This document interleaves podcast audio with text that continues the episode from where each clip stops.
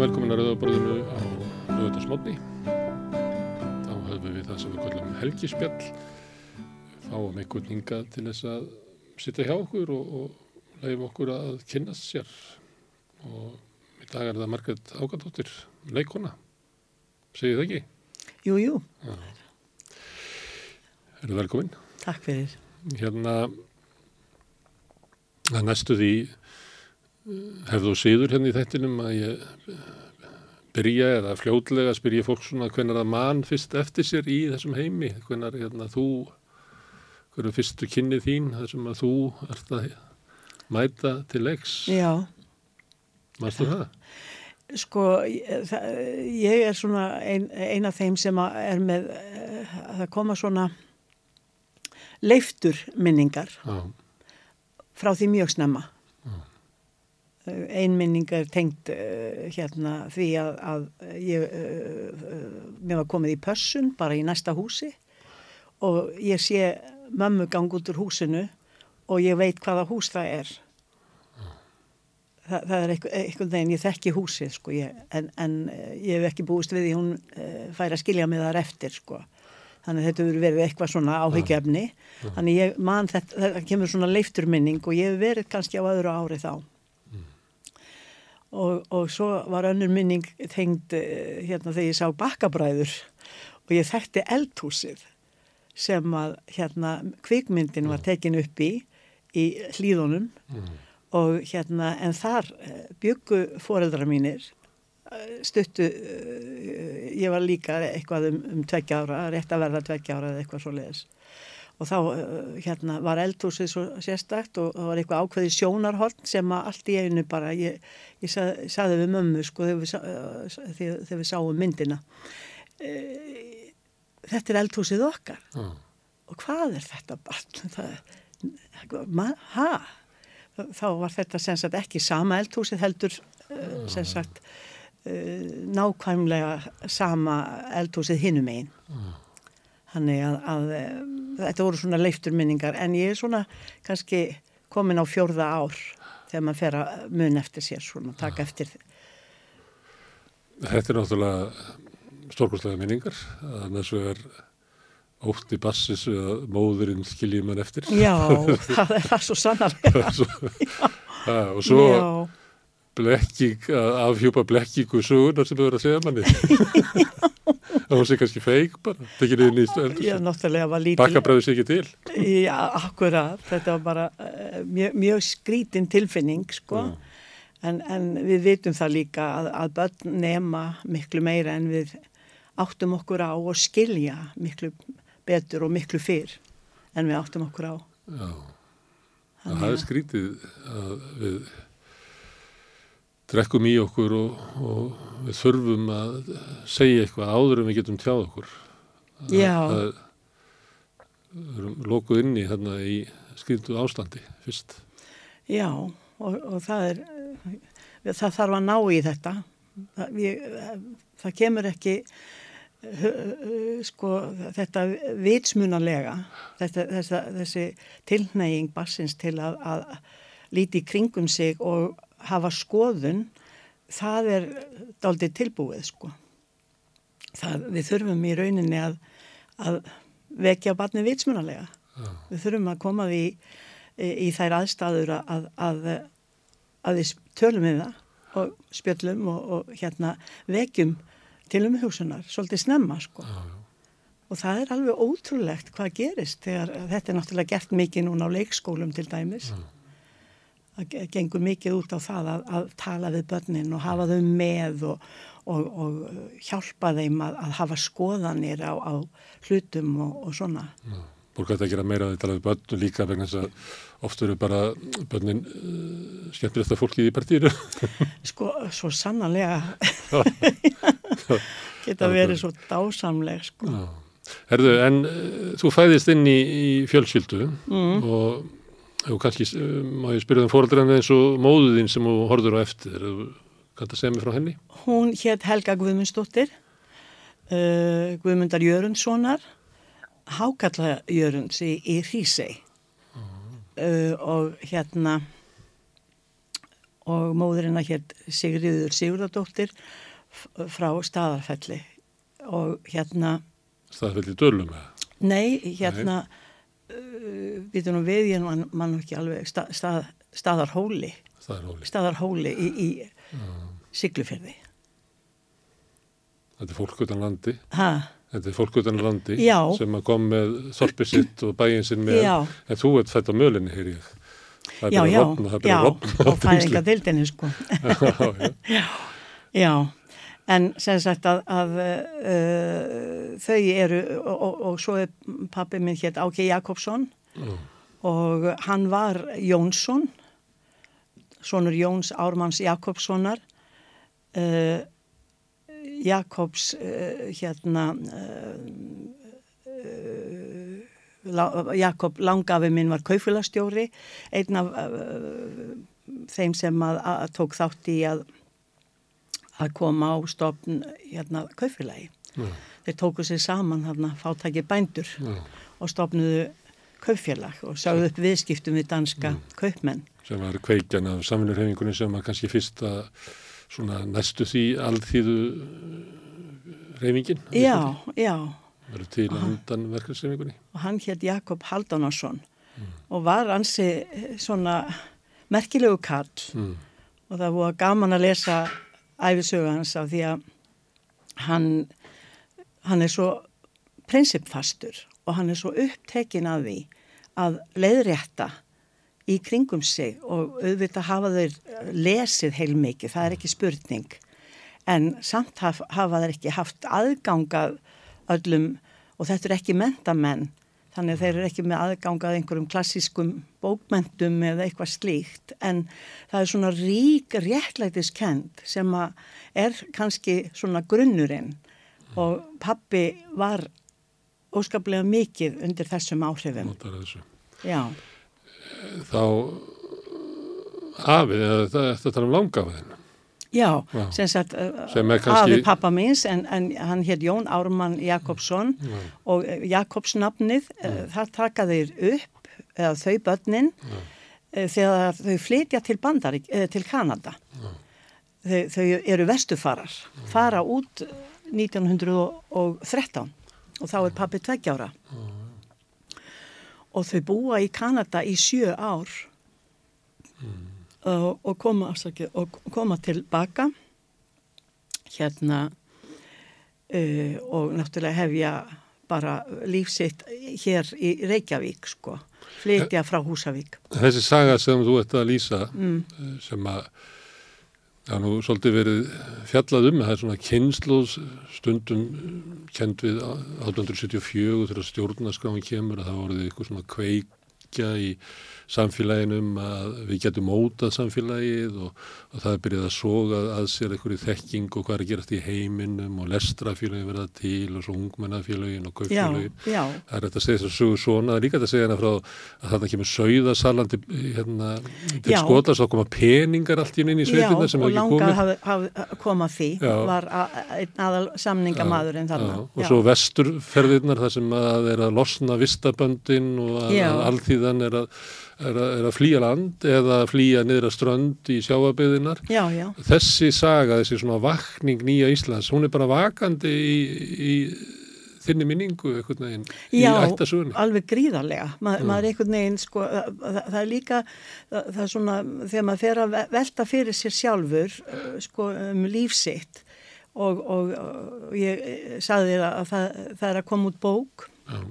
um, um uh, svona, ég veit ekki hvað því að kalla það viðtalsbók eða eitthvað, það er uh, kona uh, Svala Arnaldóttir sem að tekur... Endurminninga þinnar. Já, þetta eru svona endurminningar og, og, og, og þá er það, maður fe- fer í það svona sem að maður hefur verið að, að velta fyrir sér. Það er svo margt sem að, Úr hverju ertu?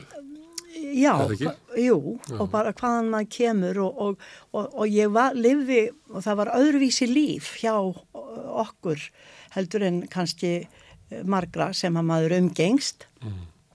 Uh, maður hafði það betra Við, ég er alveg upp á Berðhórugötunni sem var eiginlega fátakra hverfi, sérstaklega ákveðin hluti götunar sem heyrðu undir bæjarhúsnæði og fólk hafði það mjög slæmt.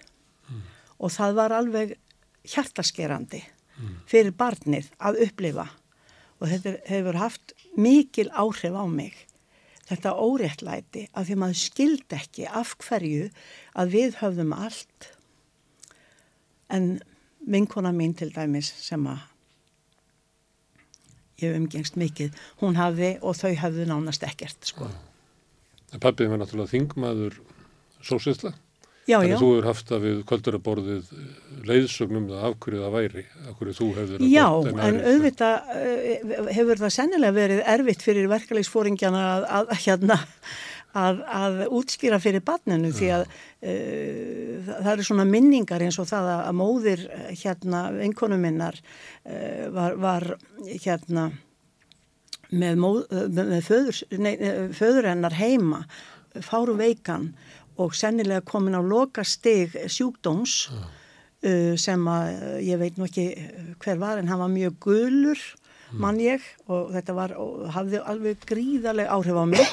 Ó, að hún uh, og ég var vitna því þegar hún var að taka þvottin mm, saman og setja í hjólbörur og keiran niður í þvottahús sem var í hérna austurenda sundhallarinnar. Mm, og þetta gekk svo nærri mér, þetta var lítil, fínleg kona og hún var svo, greinilega svo uppgefin á þess að ég hef áttaði með á því, ég bara skinjaði eitthvað og ég fór rakleiðis heim og talaði um það um mömmu að hún fengja þvó hjá okkur.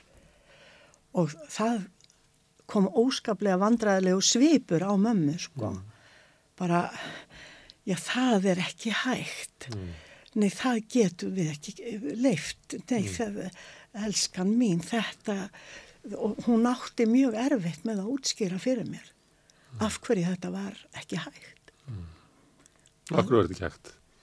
Að þetta er erfið Já, spurning, sko. það, það, ég man ekki eftir sko einhverjum, einhverjum, einhverjum svona getum ákveðnu sko við getum ekki bara þvegið fyrir allt hverfið. Ég- er ég- svarið.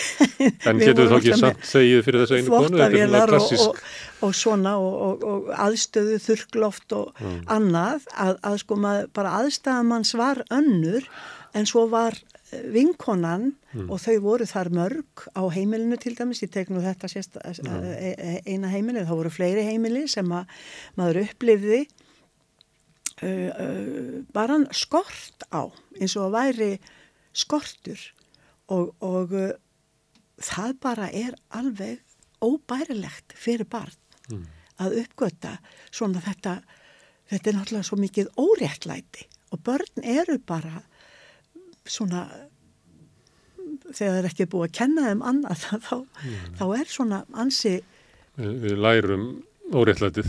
já, það, það er svolítið að lærið þola það. hegðun Já, það lærum að þóla það. börn vilja gerðnan hafa alla góða og öllum líði vel þannig að þetta hafði mikil áhrif á mig öll möguleg svona atvik þessu teng. En nú ert að lýsa Reykjavík, skólafröðholtinu á hvað sjötta áratögnum, þegar þú ert barn. já, Er það, er það, segjum að væri ykkur að hlusta okkur núna sem að væri bara fættu fyrir 20-30 árum. mm.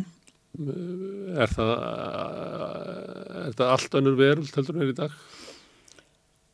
Sko Stundum látum við þannig eins og við séum okkur í ferð og, skiljum sko fortíðin eftir. Já, ég sko, mér, mér finnst að eh, sko auðvitað hafa orðið miklar framfarir og baráttan hefur alveg skilað sér Mm. en, en uh, það virðist oft eh, allavega mm, sa- samkvæmt svona minni skinnjun þá finnst mér oft eins og fólk átti sig ekki á hvaðan baráttan kemur uh, eins og þegar ég man eftir að Jón eh, hérna uh, Hannibalsson talaði um það að, að, og, og, að hann fann til mikill að vonbriða greinilega þegar hann lísti því að, að fólk þegar búið var að koma upp myndarlega verkalýs uh, bú, bústöðunum og, mm. og losa fólk úr þessum hryllingsbröggum uh, sem, mm. sem voru náttúrulega bara heilsu hérna mm. höfðu í för með sér heilsu tjón og annars og, búið að koma þeim inn í, inn í verkalýs bústaðina og, og á, á, á sangjörnu verði og, og, og þá tók fólk sig til og klætti sig upp og fór og kaus sjálfstæðisflokkin mm. sem barðist hatramlega gegn þessu mm. og það er hugleðingar efni eh, sko og málið er að í sko í okkar frumstæðustu kvötum mm. þá, þá viljum við vera með þeim sem að hafa það gott. Mm. Við viljum ekki vera með þeim sem hafa það ekki gott. Þó að við tilheyrum þeim hópi. Að, að það bara, þeir sem hafa það gott, þeir líta betur út. Þeir eiga náttúrulega söguna, við lifum í þeirra sögu. Þannig ef þú vilt ekki vera með þeim að þá verður að vera bara auka persóna eða Já, ekki til kannski? Já, það er í bóði já, það er ekki til. Já, akkurat. Og, og, og það, en, en uh, hann, hann greinilega var ekkit að eða var ekkit að hugsa um það kannski á, á, á þessu stígi að þetta er í rauninni mjög eðlileg viðbröð, þetta er ekki svona vannfaklæti eða eitthvað svona. Það er bara nú er ég orðin mjög fín mm. ég er komin hér í fínt húsnæði ég, eh, mér tókst að redda þessu, það þurfti að borga smottir í út, mm. sko og það voru ekki allir sem gáttu það mm. nei, þannig þeir sem hafðu einhvern smá pening eða gáttu reddað út borguninni, þeir fóru strax upp á annað þjóðfélagstig og fyrsta sem ég gera er aðgreðansi frá þeim sem áttu ekki fyrir útborguninni Já, ég, ég meina þetta er... Og aðgreðansi frá því með því að ég átti fyrir útborguninni. Ég, ég átti fyrir útborguninni, ég er fyrni. Ég, bara, ég er bara flottari mm. og ég er hérna komin í mín fínu jakkaföld og ég auðvitað fer og kýs það sem fólki finnst vera fína fólkið mm. það er eins og ég kalla sko fátæka fólkið okkar með pening mm. því að, að ef þú ert fátækur í, þú, þú ert ekki með neitt andríki ef, ef það er ekki áhersla á andríki mm. þá er ekkert ríkidæmi það er bara ekkert ríkidæmi. Mm. Þannig að þetta þetta voru 5% sem átt að borga út. Já. þá voru íbúðin okkar miklu ódýrari Já, svo miklu ódýrari. Þannig að þetta eru kannski svona eins og 2 miljónir í dag. Já.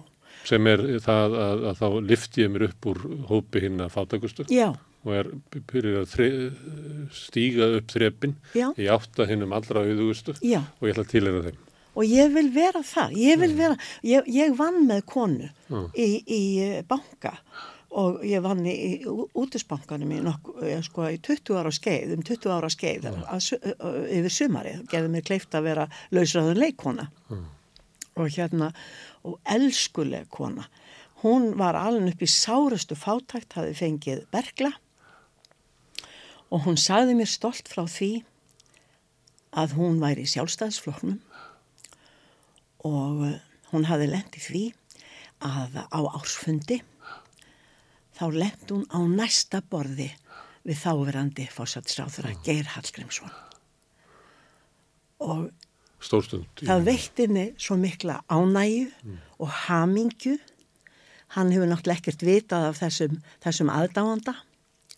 En hún bjó í félagslegu húsnæði og hafði e, nánast ekkert aukalega á milli handana mm. en hafði fengið þarna vinnu uh, og eins og ég segi vönduð kona alveg elskulegasta manneska en þetta var hennar sko stolt mm. að til, henni fannst þetta fína fólkin mm. og þar vildi hún vera hún vildi ekki vera í sinni fátækt og það að kerfið sem hún forsmáði útvegaðinni íbúð mm það var ekki með í breytunni sko. Nei. Nei.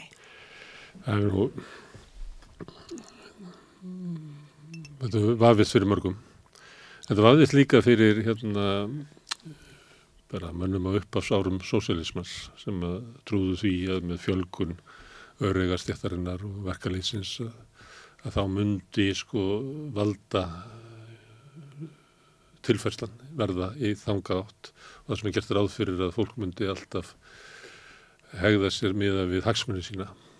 En menn sáu það ekki fyrir Nei. þetta fyrirbrið. Menn voruð ekki, Nei. þó að menn hafi verið mjög læsir á samfélagið og margt í manninum, Já. það sáum við þetta ekki fyrir. Nei, það, það, ég sko, þú þarft í rauninni, að, að, að, eins og ég segi, ég, ég held að þetta tengist því að ef maður er ekki tekin í gegnum það að vera og vakin kannski Já. til umhugsunar um hlutina, Þá sóast maður inn.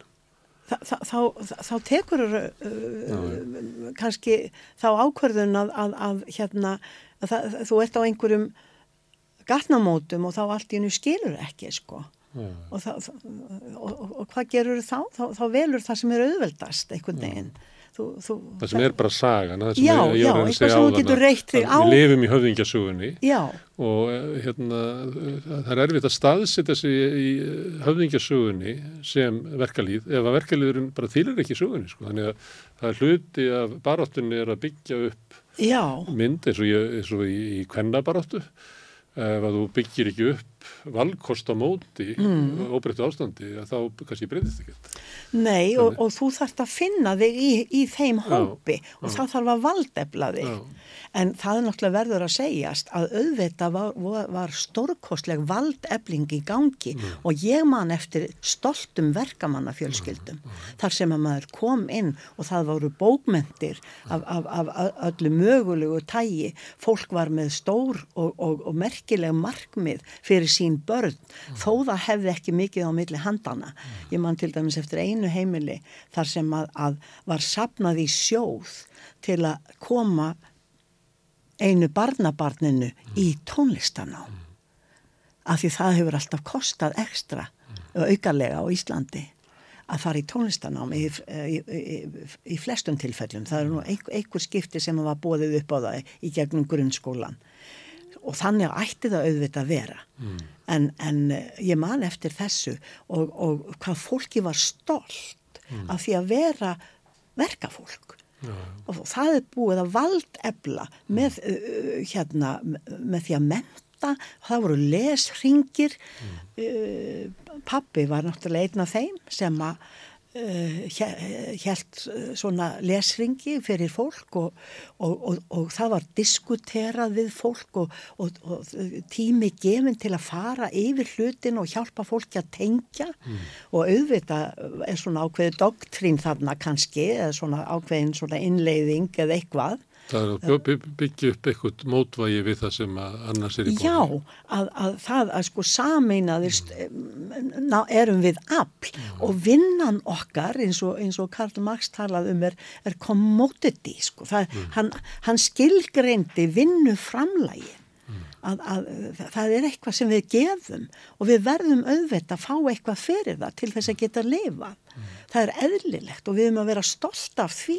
Þá að verðum þetta sem að vinnan skapar, Þessu vinnu framlægi. þessi ekki tekið af okkur, Já, það, það er svo og, og, það- og svo er þetta þetta lítur alltaf lögmálunum að heyra hlutina nógu oft, það er náttúrulega sí, endur tekið taktfast munstur sem við miðum við það, að, að ef þú heyrir það nógu oft bara byrjar á að, að tala við badnið og valdefla badnið þá, þá, þá tekst það, það, það ef þú gerir það uh, jákvætt og, og fallega sko. Ég hef stundum velt fyrir mig hvort að við séum ekki með að, hérna, eh, ekki nógu meðvituð um þetta í dag og þá pröfum að segja sko að þegar alþjóðsafandi var stopnað eh, 1916 mm.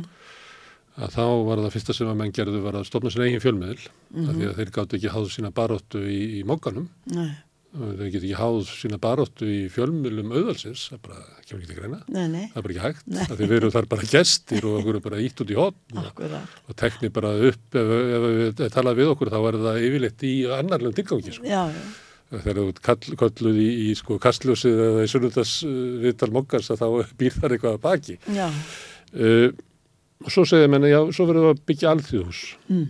af því að þegar við höldum okkar fundi og líka okkar skemmtanir og gerum það okkar heimavelli. Já, við getum ekki byggt upp sagt, stoltan verkalýð sem að skinja sína stöðu. Ef að við um alltaf að fara yfir á leikvöld sko auðvaldsins til þess að halda fundi eða skemmt okkur því að þar eru við alltaf sko second class. Já, já. Við verum með eitthvað svæði já. þar sem að við erum Auðvitað, bara taka aðal. okkar plás, Já. já, algjörlega.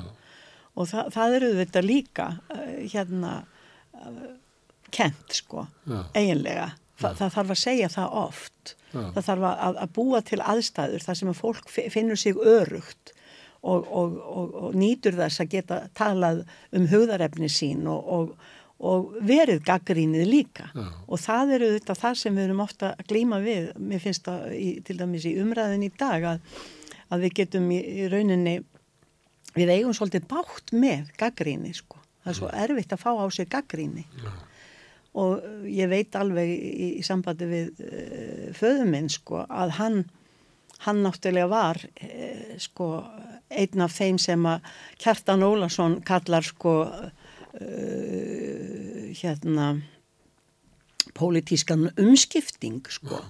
Ha, hann leiði sér að skipta um skoðun. já, Sko það sem að eh, gerist þarna er, er að, að ha, það fara að koma byrtingarform frá fyrirmyndaríkinu, Sovjetríkjónum. Þar sem að, að virðist ekki vera allt uh, sko uh, með feldu sko. Ha, nei, og uh, auðvitað voru menn sem voru hátt settir kannski betur að sér hvað það varðar. Að vita og fá upplýsingar um hvað var að gerast þarna. Og, og það þarf náttúrulega ekki annað en að, að eins, og, eins og þegar Bert, Bertrand Russell lýsir því í viðtali að hann fer hann, hann fær að vita að, að hérna að það sé búið að útvöða honum viðtal við Lenin og hann leggur á sig langa ferð til að hitta goðið sitt. Hann er svo upprifin yfir þessum stórkostlega manni og búin að lesa allt sem frá honum kom og, og hérna og situr svo í viðtalinu og, og honum er náttúrulega tekið með kostum og kynjum sko og, og úskaplega eh, mikið upplifilsi fyrir ungan mann nema að, að eh, Lenin er svona lukkulegu með sig og, og, og svona greinilega líð, líður vel með þessum aðdáanda. Og, og hérna og missir út úr sér í viðtalinu að já, já, að þessir bændur, uh, það, það hafa nú nokkur hausarnir fengið að fjúka og hlær svona uh, hérna uh, glaðlakkalega sko. Og Bert Bertrand lýsir því að hann horfir á þennan mann, á þetta góð og hugsa með sér og það rennur kallt vatn á milli skins og hörunds. Um leið og hann hugsa sko hérna drottin minn ég er að tala við morðingja. Ég er að tala við fjöldamorðingja og hann verður bara logandi hrættur og, og skelkaður og bara reynir að koma sér út úr þessu og ílskuna. koma sér út úr þessari ílsku og heim skilur og þetta er mjög snemma ég meina hvena dó Lenin, Lenin sko, 24? ég eitthvað svoleiðis, þú sér það. að, að, að sko þe- þetta og, og svo náttúrulega kemur í, það kemur snemma í ljós að það er ekki allt með feldu Trotski skrifar hérna sem hérna byltingin svikin sem var að koma út núna fyrir nokkrum árum hér.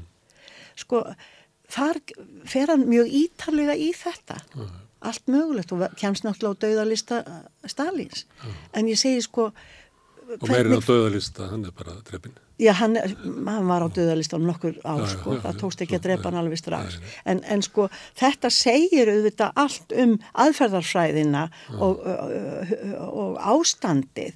Á, á, á, þannig er, sko, göfug stefna, þannig er göfug stefnu snúið við og þá er hugleðingar efni eins og, eins og pappi reynda talaði um í, í formálunum á, á hérna leiniræðunum Stalin sem hann skrifaði hérna sem Krútsjöf byrti, ekki 56 og svo leiðis, að, að hérna að þú kemur ekki á réttlæti með ofbeldi. Þú, þú kemur ekki á, ré- á Það er nú réttlæti margir sem að telja það sem mögulegt. að það sé hægt að berja og drepa fólk til réttlætis Það er bara, það, það, það, er bara ekki hægt er Þess vegna er stríð algjörlega, svekkjaði með því að það er bara að vera að reyna það út um allan heim sko. já sko það er það sem við erum náttúrulega svo hræðilega hérna svekti yfir sko og áhyggjufull yfir.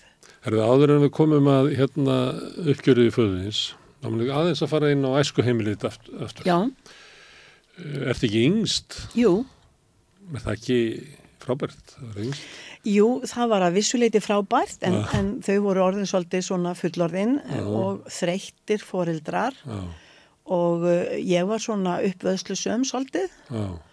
Og hérna Þau Og hefði ekki þrek til að ala þau upp eins og þau hefðu gert við eldri sískinni. Nei, ég sko, ég átti nú systur Já. sem var átt árum eldri og hún var sko algjört, uh, algjört fyrirmyndarbarn, dásamleg, uh, stilt og prúð stúlka og, og mjög dugleg í, í skólanum og, og hérna hún lærði á píanó og, og bara hún var hversmanns huljúfi en, og um, alltaf óskaplega góð við mig og var mér mikil stóð og stytta í lífinu algjörlega en, en við vorum afskaplega ólíkar og ég eh, svona hefði þurft kannski meiri hérna, ég veit ekki hvað maður á að segja kannski Hvað? meiri tíma maður var alltaf að spá meiri aga? Meiri aga? Meiri ást? Já, ég fekk heilmikla ást. Þannig þú ert alveg upp í ást. Já, og, og sko ég við, uh, ég tala hefði eitthvað þurft að setja þið mörg, þetta segja það? Já, ég held það. Af því að ég náttúrulega, ég skrópaði í skólanum og týndi skólatöskunum minni og, og ég áttaði mig á því að, að kennararnir voru ekkert sko spenntir fyrir því að fara að tala við papp og mömmu sko. Ég vissi, vissi einhvern veginn að, að ég kæmist kannski svolítið upp með þetta sko. Þannig ég bara fór ekkert í skólan ég, ég vildi gera eitthvað annað sko. Hvernig, eh, hvernig fannstu það að, að, að þú væri öðruvís en hinn í krakkarnir að því að þú ættir þessa fóreldra? Hvernig, hvernig Ég fann það nú aðalega bara, eh, sko þau voru náttúrulega afskaplega elskulegar og síðaða manneskjur Já.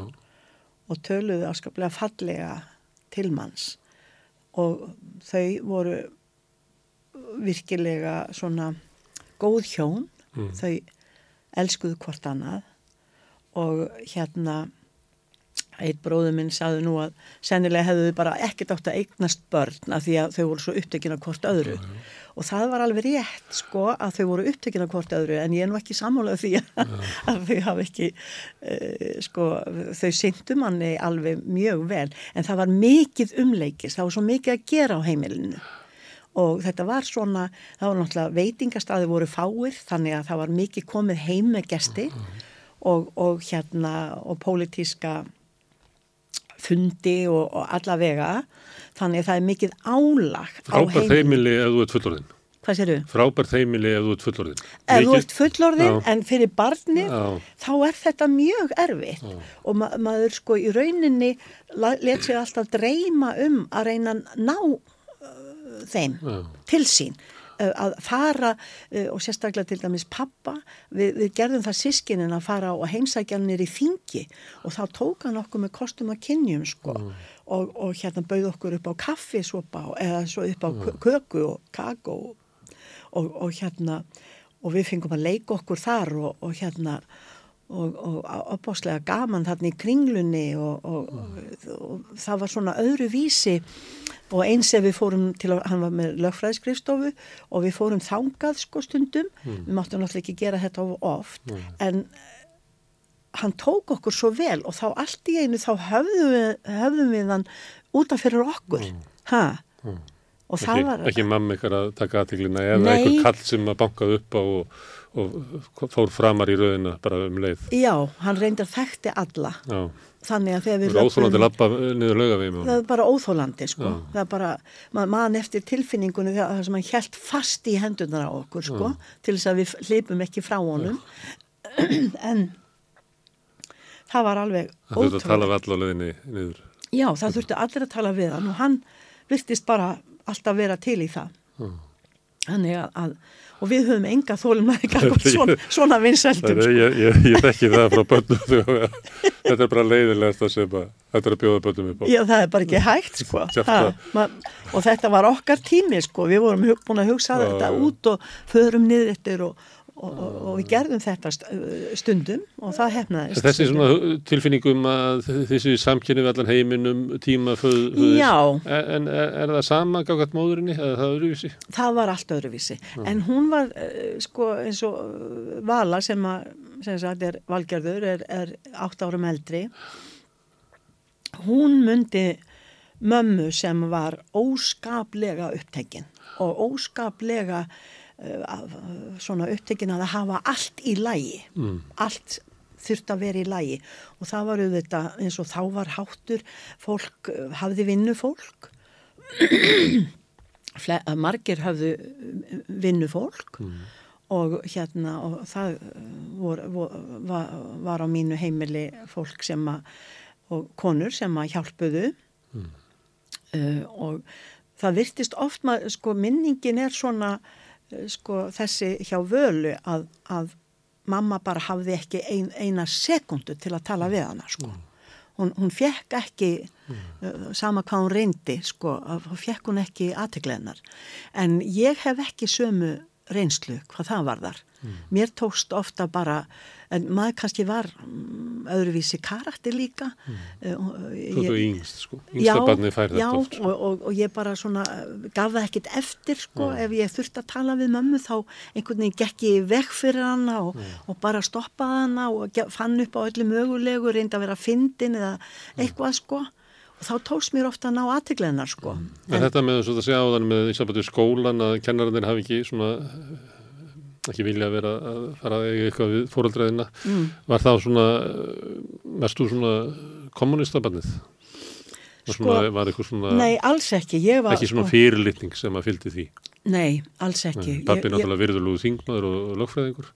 Já, ég fann ekki fyrir því nei. en ég fann fyrir því að, að það, var, uh, það var eitthvað sem hafi gerst mm. með hann ég vissi mm. náttúrulega ekki að hann var uh, pólitískur umskiptingur. Þannig að það er, það er, það er, er áfallið, pólitísk áfallið að hann er umskiptingur, Já. ekki það hans er kommunisti. Eða þú veist, eins og íhaldi kallar alla sem eru sko sem... vinstra megin við viðrist, sko, mm. kallar kommunista. Já, þetta er fyrst og fremst að hann, ég, ég verð fyrir uh, hérna allavega óþægindum Já. og áföllum, svona má segja, vegna þess að fólk álítur hann vera svikara. Já, það segðum við þá frá umskiptum föðins. Já, hann bara uh, sagt, lendir upp á kant við Einar Olgesson mm. og, og, og Brynjólf. Flokksegandafélagið. Já, og uh, það, uh, þeir voru sko tíu árum, tíu eða tólf árum eldri en pappi mm. og voru náttúrulega samherjar Pappi var eh, einn af stofnundum ungra kommunista og, og ég meina hann var bara livði fyrir þetta mm. og uh, hérna þannig að hann hafði þá báða í hávegum og hefur sótt fyrirmyndargildi til þeirra, þetta hef, hafa verið fyrirmyndinar hans. Mm. Síðan vex hann upp og þroskast og hann var náttúrulega mjög hérna rögfastur maður og sennilega sko hefur hann oft farið í taugarnar á, á fólki. Hvað sko hann gæti verið, hann var stálminnugur sko og námið á þeim tíma byggði voða mikið á því hvað, hvað, þú, hvað þú mannst en ekki kannski hvað þú skildir mm. þannig að fólk var alltaf að fara í samkeppni sko maður mann eftir svona uh, augnablikum uh, þar sem var verið að, að, að keppa um hvað var í rétt ártal eða mm. hvenar þetta Það getur auglýsingunum aldinnar þá er svona eh, heimili svona síð eh, hérna sjönda áratugs heimili Já. með svona eh, líklega húsgóknum frá víði, eitthvað svona, svona næstu því skandi, skandinavíst lúk sko. Já. og svo er einhverju menn að rýfast með pípu Já. um eitthvað. Og, og, og, og svo segir undir því, af hverju flettar ekki bara upp í öldunum? Og þá, þá var einmitt svona. Já, nákvæmlega sko Það var eiginlega þess að fara akkur að googla er ekki bara. Já, sko, ég- ég var Það var til vitni að frelsa að- fólk frá þessu tuði um, um og, og frá þessari asnalegu sko útsvars uh, samkeppni sem er svo óvitsmunanleg og Já. óspennandi. Og þetta er auðvitað, við erum að tala um þetta var bara síðast í kveik að tala um sko gerfigreindina og, og, og afstöðu okkar til mentunarinnar og námsims, hvernig við byggjum það upp. Og það verður að byggjast upp á skilningi. Við getum ekki hlaðið inn einhverjum uh, hérna Það fáum við gerfugrind. endalausum upplýsingum sko. Það Ha. fáum við gerfugrind. Já, já, þá fáum við þetta, en, en ég segi sko, hann fer að átta sig á því, hann pabbi, að það er ekki allt með feldu og ég held að það hafi verið mjög snemma. Ég hef ekkert fyrir mér í því, ég sé ekkert um það, en, en uh, föðursýsti mín, Petrína Jóð Jakobsson, hún var hérna mikill eh, stuðningsmaður auðvita og, og, og eh, hún eh, fór í ferðir til austantjálslandana og þar var henni tekið sem höfðingja sko, það var alveg stórkostlegt. Og ég held að, að hún hafi oft komið tilbaka með allavega reynslu sögur sko. Þau voru mjög náinn, sískininn, og töluðu mikið saman og ég er alveg samfærðum að hún hefur upplifað eitthvað þarna sem að hún deildi með pa- pappa. Þó svo hún hafi kannski verið á sumalegu stölu við svartahafið eða hvert sem hafa farið með gestina. Það hefur bara sínt það allra besta. Það allra besta, Já, já. En, samt grunaðan að með eitthvað var ekki eins ég og... sko, ég held hún hafi orðið vörfið eitthvað Já. og reyndar hún sagði mér hérna ekkert ákveðið Mm. en við, þegar við vorum að tala um þetta einhver tíma að þá sag, sagði hún eitthvað svona í þá áttina að, það, að, að, að hún hafði skinnjað sko að hva, hvað var, það var eitthvað skrítið andrumslótt og hættulegt eitthvað sem hún upplifði og hérna og þetta er svona þannig að, að ég er að gera því skóna að, að sko hann fer að fá svona tilfinningu fyrir að þetta bara gangi ekki upp að sækja fyrirmyndargildi þangað til Sovjetríkjana. Heldur verður við að byggja upp okkar eigin sósialisma. Það sem að sömu áherslur varðandi mannréttindi og jafnræði en, en far ekki og sækja það til fólk sem að hefur byggt allt sitt á ofbeldi og morðum. Sko, við höfum ekkert með það fyrirmyndargildi að gera, sko. En þarna bara byrjar uh, sko uh, þetta undarlega ferli sem er, ég vil bara kalla einelti. Kakvað tónum. Já, hann, það, þeir, sko flokkspólitíkin er þannig og, og, og mandeitir felur í sig sem þú ert, þegar þú gekk, gekk, gekkst í flokkin þá varst að samþykja að taka þátt í, í hérna uh, flokksaganum og virða hann og reglurnar og taka þátt í að fylgjast með ná, náunganum. Og gangur skuggum að hann var ekki að leynast í trúni og þá erum við komin sko í þessa alhyggju sem að Hanna Arendt skrifað um í, í The Origin of uh, Totalitarianism mm. alhyggju, að alhyggjunar að, að, að sko þú, það, það, það er bara allt eða ekkert sko. Þú, þú tekur allt uh, og tekur öllu hvernig sem það er og bara er harður á því og hlustar ekki á, á gaggrínina og pabbi hjælti fyrir ekki pabbi hjælti líka fram að þeir fóringjarnir hefðu bara systematist ákveðið að taka og, og gefa ekki yngri mönnum tækifæri í flokknum. Að bara fólk varð bara að sitja við fótskurðera og horfa upp í aðdáðan. Uh, þeir áttu ekki skap saman, pappi og Brynjólfur, en pappa var afskaplega hlýtt til einars. Hann var elskulegur maður og mikið góðmenni og hérna, og þeir áttu, Mikið óratór og kennari. já, og, og hérna, hann var Brynjólfur var svona heglátari og hugsaði sitt. allt önnu típa en þeir gengu, sko, hann náttúrulega verður fyrir hremmingum, hann Einar Olgilsson, mjög snemma og hann lendir næstum því í hérna e, e, því að dett út af sakramentinu. Og Brynjólfur kemur honum til bjargar og það er engu líkara en að þeir tveir hafi bara saminast um að standa með hvor, hvor öðrum í gegnum, í gegnum, já, án þess að, að, að sko gefa eftir nokkur, nokkur staðar. Og það í því lægi styrkleiki sem auðvita er rétt sko að, að hérna ef, ef þeir stó- stóðu þarna í frontinum.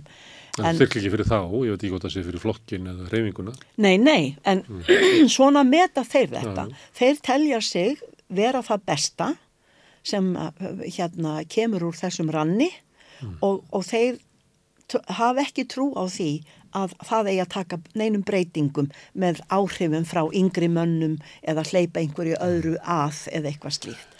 Þannig að, að eh, það, það, þarna lendir hann bara á vegg og það hefur þær afleðingar að, að hann er sko ræður, uh, það eru skrifaðar hræðilegar greinar um hann það er ráðist á hann, hann kemur að lokuðum dyrum, uh, hérna, um, það er allt mögulegt í gangi. Þannig að, að, uh, og þetta er þessi flokkshreinsun sem að, að hérna var inn í þessu mandeiti, það sem að, að þú lofaðir að taka þátt í í rauninni Já, og þannig hann pa- var pabbi lo- segir sjálfur sagt í líki formálanum þarna að, að, að leiniræðinni að hann hafi ekki verið barnana bestur sjálfur sko. hann tók fullan þátt í þessu öllu og hafði trú á því sko.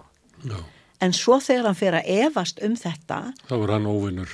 þá er hann orðin óvinnur og það er ekki komið það ástand vitsmunalega eða hérna sagfræðilega í, í, í flokkin að, það sé, að, að það sé hægt að koma með nýtt sjónarmið, það er ekki hægt. Það, er bara- það er bara Hvaða ár eru þetta? sko hann dettur út af, af, af þingi sko 50 og hann fer ekki fram 53 held ég að 54 og ég held að það hafi verið 53 þá, þá sem sagt er, er ljóst að þetta nær ekki þeir ná ekki saman Já.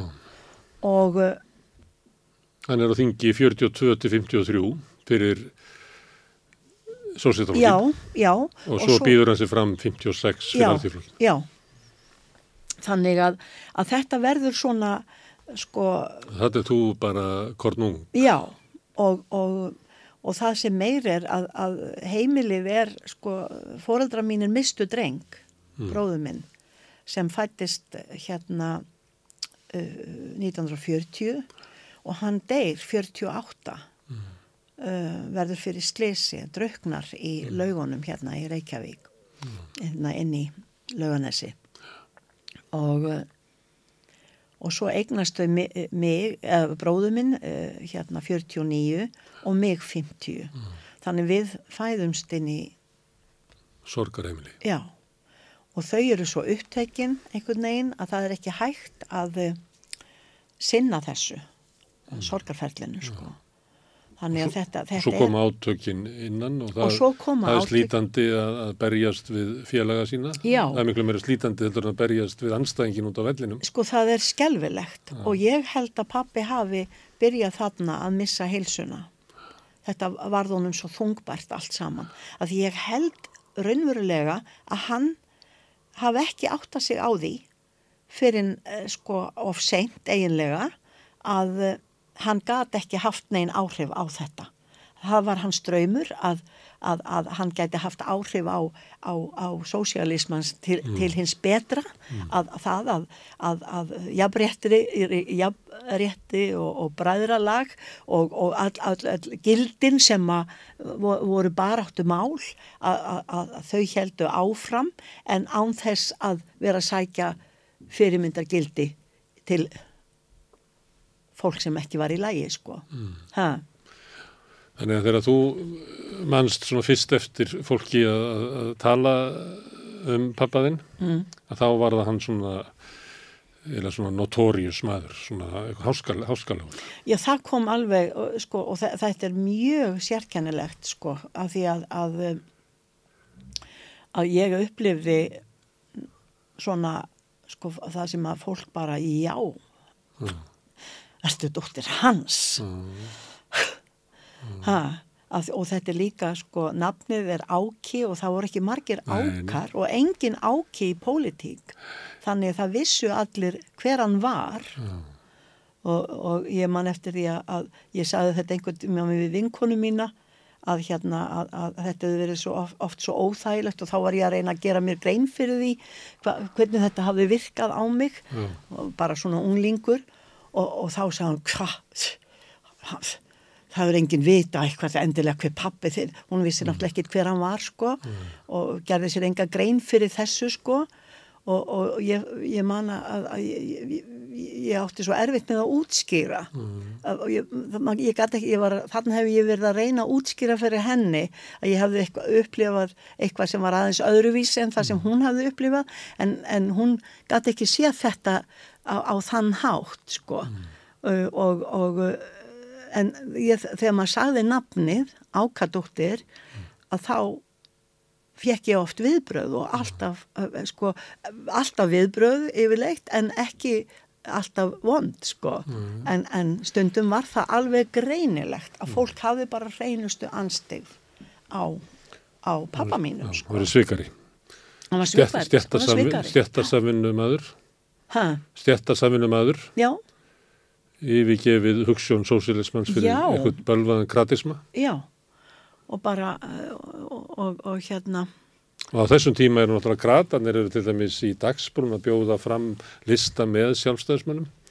Þannig líka klopningur, eh, mikill klopningur á milli krata og koma út af hernum. Já, það var náttúrulega, já. Já. Þannig að, að, að þetta er ekki þannig að þú færiði bara eitthvað sett þarna á milli, þetta er rosalega gjá sko. Sko alveg rosalega, já, mjög og ég held að, að sko samstarfið í nýsköpunarstjórninni sem að hann mm. satt í já, hafi farið út um þúur mm. og það var uh, sko, uh, það voru þeir einar og Brynjólfur sem vildu bara vegna, vegna hersins sko og mm. afstöðunar til hans uh, hérna Uh, slíta þessu samstarfi.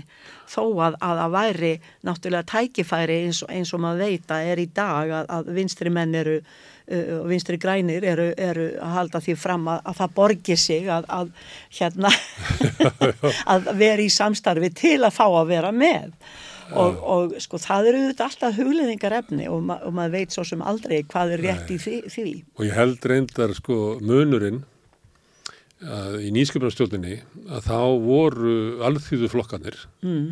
hérna, miklu sterkari í dag með miklu öflur í stöðu í samfélaginu Já. og sjálfstæðisflokkur er miklu veikari. Já. Þetta er eiginlega leiðin hans, hann hafði verið að leita sér að verða sko þáttakandi í svona nýjum stjórnmálum sem er með bara almennum kostningarétti. Já, já. Hann hefur eiginlega stopnaði fyrir borgarflokkana til þess að geta verið þar. Mm hann er ekki orðin á þessum árum það er svona miðja íslenska stjórnmála sem hann varð síðar sko.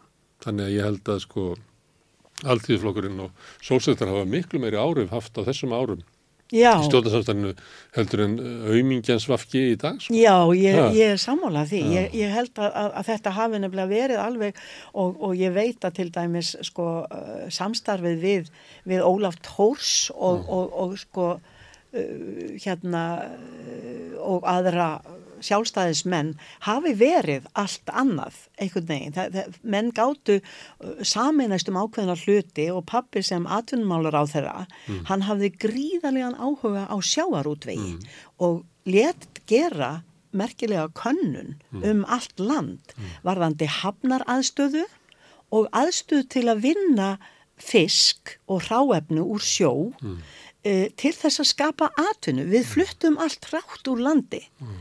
og fengum yngar tekjur af þessu. Þannig að hugsunin var að reyna að koma á vin, vinslustöðum um mm. allt land mm. til að taka á móti, á móti þessum uh, afurðum og, og hérna þetta var alveg... Uh, þetta er raunverulega sjálfstæðsparað á Íslandi. Það er að reka útlendingarna út úr uh, landrikinni og vinna hérna fiskin hérna einanlands þannig að við séum ekki hráöfnis útryttur bara. Já, Þetta er eiginlega sko sjálfstæðsbartan já, en svo er, hefur við reynda mistið þetta en nú eru bara ykkur örfá og reynstaklingar sem eiga þetta alls. já, og svo, og svo hefur sko hérna öfgafullur hérna, öfgafullt byrtingaform kapitalismans sko þar sem að, að þú ert ráðinn til að finna matarhólu og þú ert á ofur launum til að finna matarhólu og hvernig getur þú samræmt til að hámarka hagnaðinn hérna surplus valueið sem sem að Karl talaði um? Og kaplinan sem hording þetta að, að sapna uh, að, að, að sko til efnis uh, sem sagt að sér. sanka að sér auðæfum sko og í, og í hvaða tilgangi það er ekkert vitsmunalegt þarna sko. Það, það, þetta, er svo pínlegt sko að maður einhvern veginn hugsa bara hvernig er hægt að, að gera þetta sko að, að, að, að eigða lífinu í þetta ha? og að, að, þannig að, að sko að fara frá þessum stað þar sem það er ekkert í gangi og fátaktin er rosaleg og, og uppbygging hefst og nýsköpunarstjórnin uh, fær, uh, tekur peninga í að, að uh, fjárfesta í sjáarútvegi og þetta skiptir sköpum fyrir landið yfir í, í, í kvótan sem svo er bara gefin örfáum hræðum sem, þú veist Það er ekki hægt að segja þess að sögu, sko. Hún er svo... Hún er svo, hún er svo skelvileg hún er sko, já. Og maður verður hálf feimin líka landhelgisstríðin og uppbygging allra sjáarbyggðana, Já. allt það sko effort sem fyrir kynsluðu lögðu í þetta því að já, það, fólk og vissi voru það sammála um. Já, fólk vissi það að, að það hér er þið aldrei gott samfélag nefnum okkur tækist að taka auðlundir sjávar já, íta útlendingunum út og Já. nýta þær til þess að byggja hér um gott samfélag þess Já. að hér er ekki þau landgæði að það geti staðið undir því Já. og þetta var bara, þetta er bara sjálfstæðisbaróttan er þarna já, frekar heldur eitthvað karpi dani um einhverja stjórnarsko þetta var í raunverulega sjálfstæðisbarótta þetta en síðan já. ákvað þjóðin bara að gefa þessu og gefa einhverju nokkrum um þetta er bara, það er ekki hægt að segja þessa sögur sko. Þetta er svo mikill óvitaskap ég, ég veit ekki hvernig við ætlum að segja okkar sögur sko. Já, en það auðvitað verður að breyta öll. Og, og, og, og þess vegna náttúrulega fer fólk og, og reynir að ganga frá erfðum þannig að, að börnin erfi og svona til þess að fela uh, verðmætin og svona þegar að því að þetta er allt fátækt fólk, við komum úr svo mikill fátækt að, að ég, ég vil halda fram að það sé svona DNA-isk fátækt í okkur, skortsenginnin eru rosaleg, þannig að sem er skýringin á svona bjánalegri græðki sko, þar sem þú bara eh, ætlar bara að, þú sapnar bara peningum. Og þú, þú ekki að, að því þú ætlar að breyta heiminum eða gera eitthvað þú bara, þú, þú, og maður hlýtur að vera stattur á einhverjum rosalega vondum stað. Maður verður að við þetta eitthvað. ég, ég held að margt fólk sem hefur alveg stuð fyrir fátak þekki það að það það til að, að, að fylla ískopin svolítið. Kaupa aðeins svo mikið. Já, já, ég, það er, maður- það er mjög maður er svo lengi að losna við óttan um að, óttanum að svelta í hér. já. já, herðu, já, en uh, þetta uh, pappiðinn, svona umskiptingurinn mm. uh, hann skiptiði miklu máli. Já. Þetta er svona Alveg- eitt af því sem hefur markaði hvað mest. Já, hann, hann var svo sterkur karakter og hafði svo mikil áhrif á mann. Og þegar hann gaf sér tíma uh, ég áttaði mig til dæmis á því að uh, þegar ég var orðin læs og ég var svolítið seint læs, ég var svona bara uh, bæði átti ég erfitt með að einbeita mér sennilega og svo var ég með slæma sjón, greind með mikla nærsýni.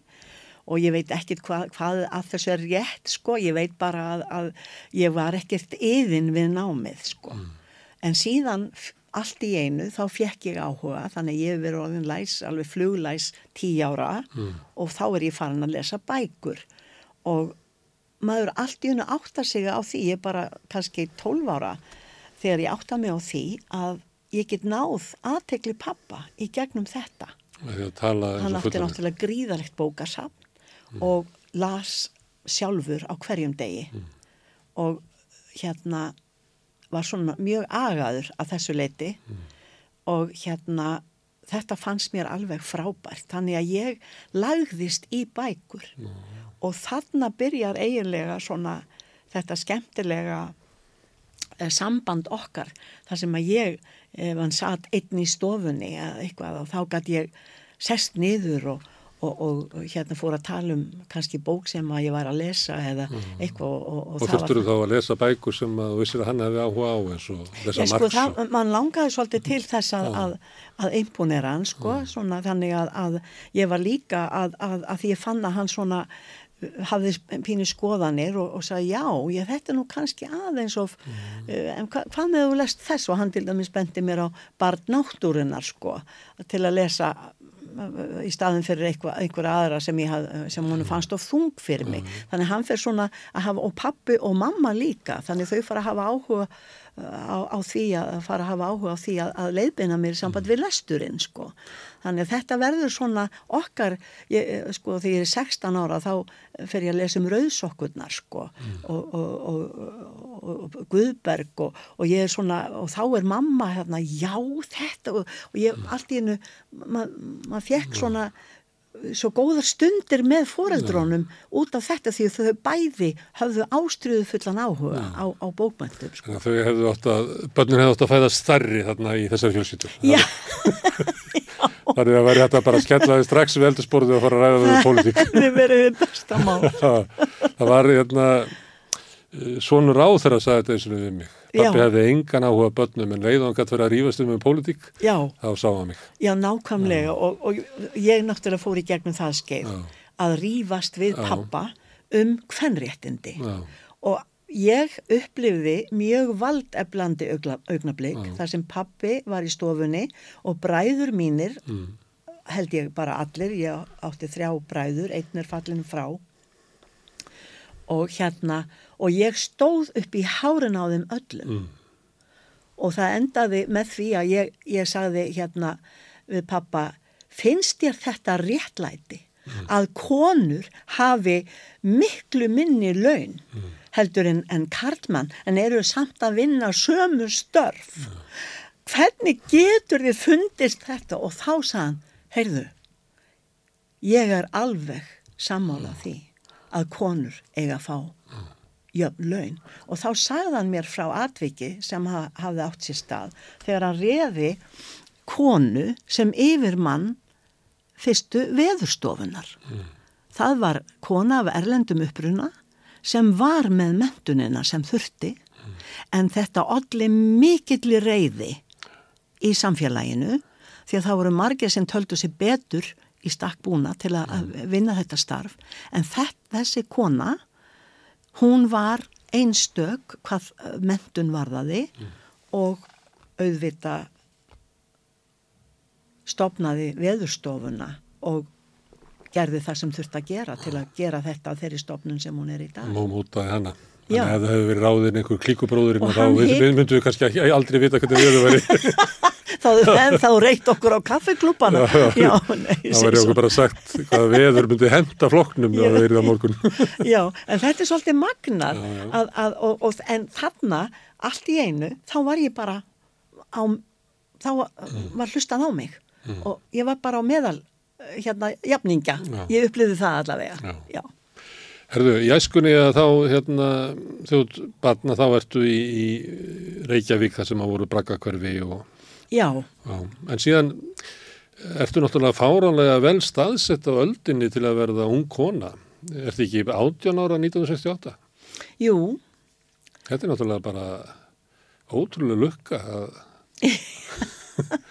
Það að- er ótrúlega tímabil. Já, sem já, er að rýsa þarna upp Já. á sama tíma og þú ert eiginlega að fara út í heimina þá er heimurinn bara fyrir unga róttaka konu og Íslandi að, að bara umbreytast. já, já. Ég sko uh, náttúrulega fór, lagðist í ferðalög Já, og, datt alveg út úr skóla.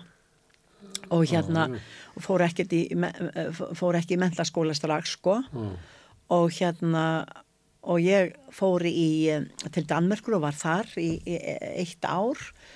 Og svo fór ég í puttaferðalag til Ísrael. Já, að vinna Á- að samyrkjubúi, tína já. jaffa appisinur, ha, að tína appisinur. meðal annars, já, Meðal annars. já.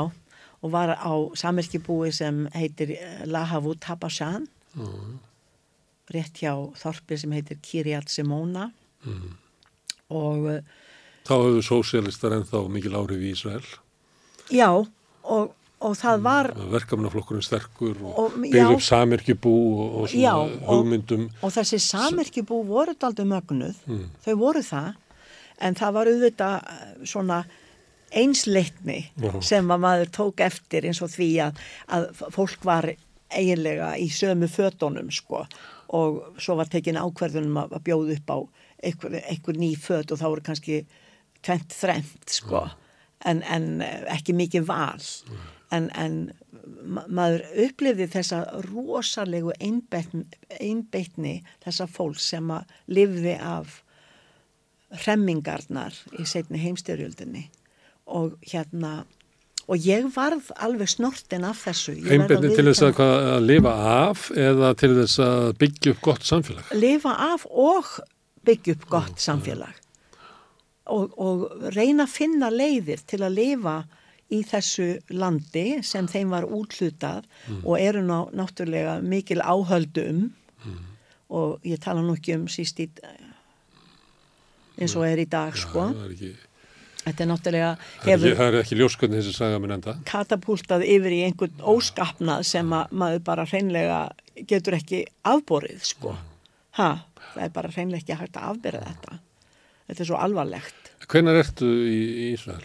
uh, 68 uh, fyrir ekki 69 Það er 69. já og hérna kom heim fyrir jólin. Og fórstu bara ein út? nei, nei, ég var með dönskum kærasta. Já, og það gekk voða vel. Þetta er náttúrulega á þessum tíma mjög saklaus heimur.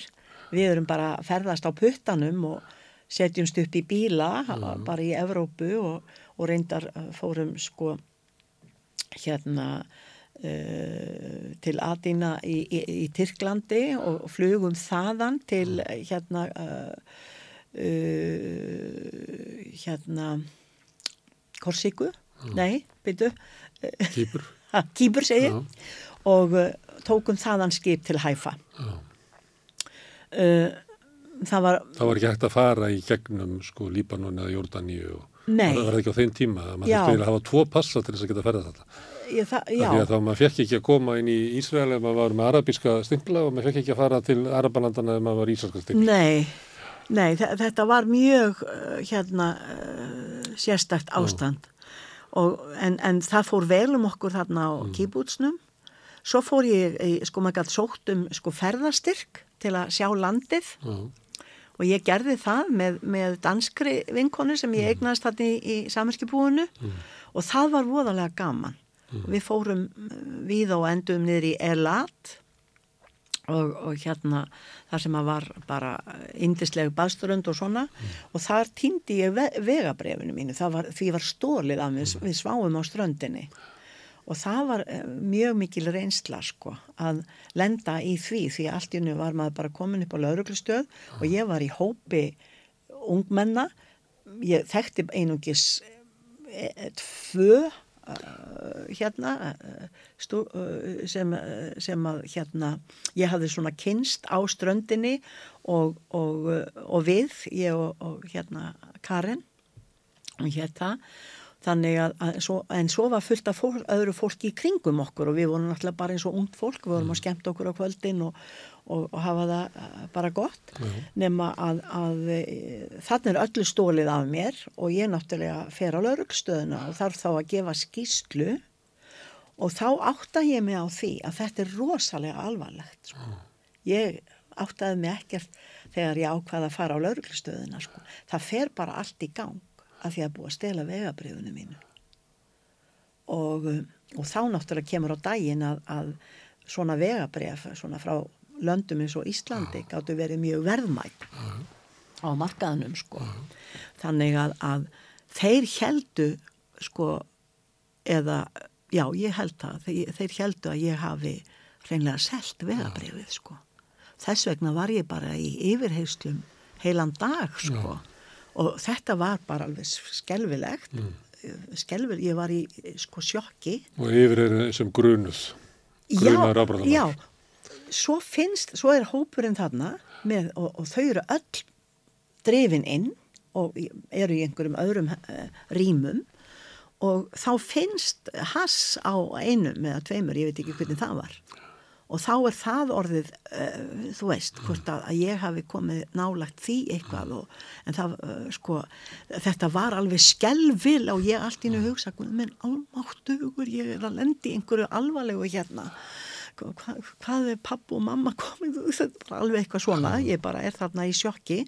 Svo enda með því að það er kallað uh, hérna í mann sem reynist vera Íslandingur og hann er að vinna þarna fyrir uh, laurugluna eða leinithjónustuna eða eitthvað.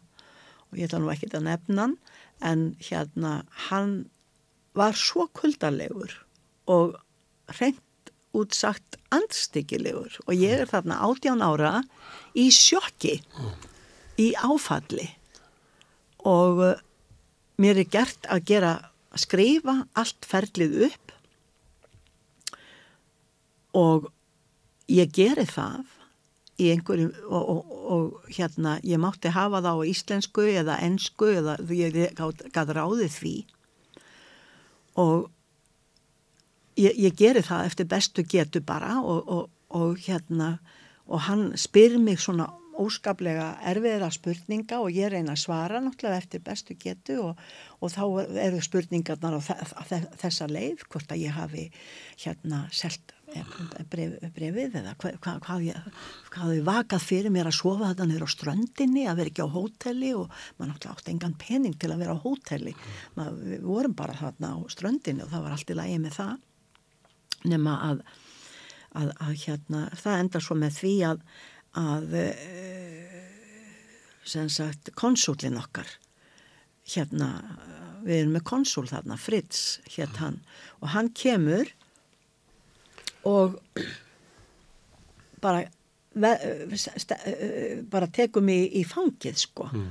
og, og segir hérna verður alveg róleg að sko ég var ekkert farin að gráta en ég var gjörsamlega, ég var hægt að sko mm. ég var án svo þreytt og bara e, þetta var bara rosalega erfitt nema að hann tekur mig svona í fangið og bara segir, heyrðu, hafði engar áhyggjur þetta er allt í lægi uh, hann, hann mun redda þessu, þessi maður mm. og hann veit hver þú ert mm. hann þekkir fólkið þitt mm. og hann er búin að gangur skuggum að þú ert svo sem þú segist vera og á því leikur engin vafi þannig mm. þú skalt vera alveg róleg og svo bara sagðan við mig nú skaltu koma til mín á skrifstofuna og ég ætla að ganga frá skilríkjum eh, fyrir þig og hérna og við pöntum vegabref mm. og þetta hefur bara sinn gang og tekur ákveðin tíma og svona þannig að hann róan mig svona niður mm. og, og, og ég sá svo ekki þennan Íslending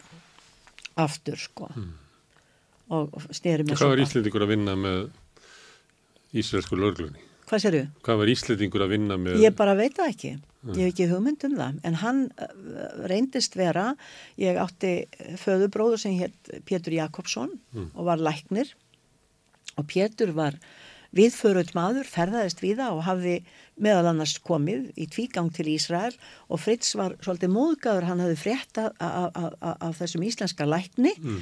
en var óskaplega móðgæður yfir því að hann hafði ekki haft samband við konsúlinn mm. því að Fritz hafði komið hingað 20 sinnum sko, mm. hann elskaði Ísland sko, mm. þannig að, að hérna að, að um, hann og, og þekkti són Péturs mm. sem hétt Jón Ármann og hafði verið í skóla með honum mm. og þannig eh, eins og bara á Íslandi við, við tengjum saman sko og hún mm. tókst þá að, að, að staðfesta hver ég var sko Þau verið farið aftur til Ísrael? Nei, aldrei mm. síðan Nei Hvað varstu lengið þannig? Ég var þarna í eh, sex mánuði mm. Og þetta gerði fólk á þínum aldri fór þangað? Sumi fóruð til Kúbu að Já. Að, að skera sigurei fyrir Kastró? Já, já. Kanski hefur þið farið þangað ef að pappiðin hefði ekki kjöst krati? ég veit það ekki, ég veit það ekki. Þetta er svona, sko, eins og ég segi, ma maður veit í rauninni ekki hvað, hvað uh, stý, stýrir á þessu Eh, sko, eh. maður bara svona áhuga málin eru kannski í þennan, þennan farveg sko Mm.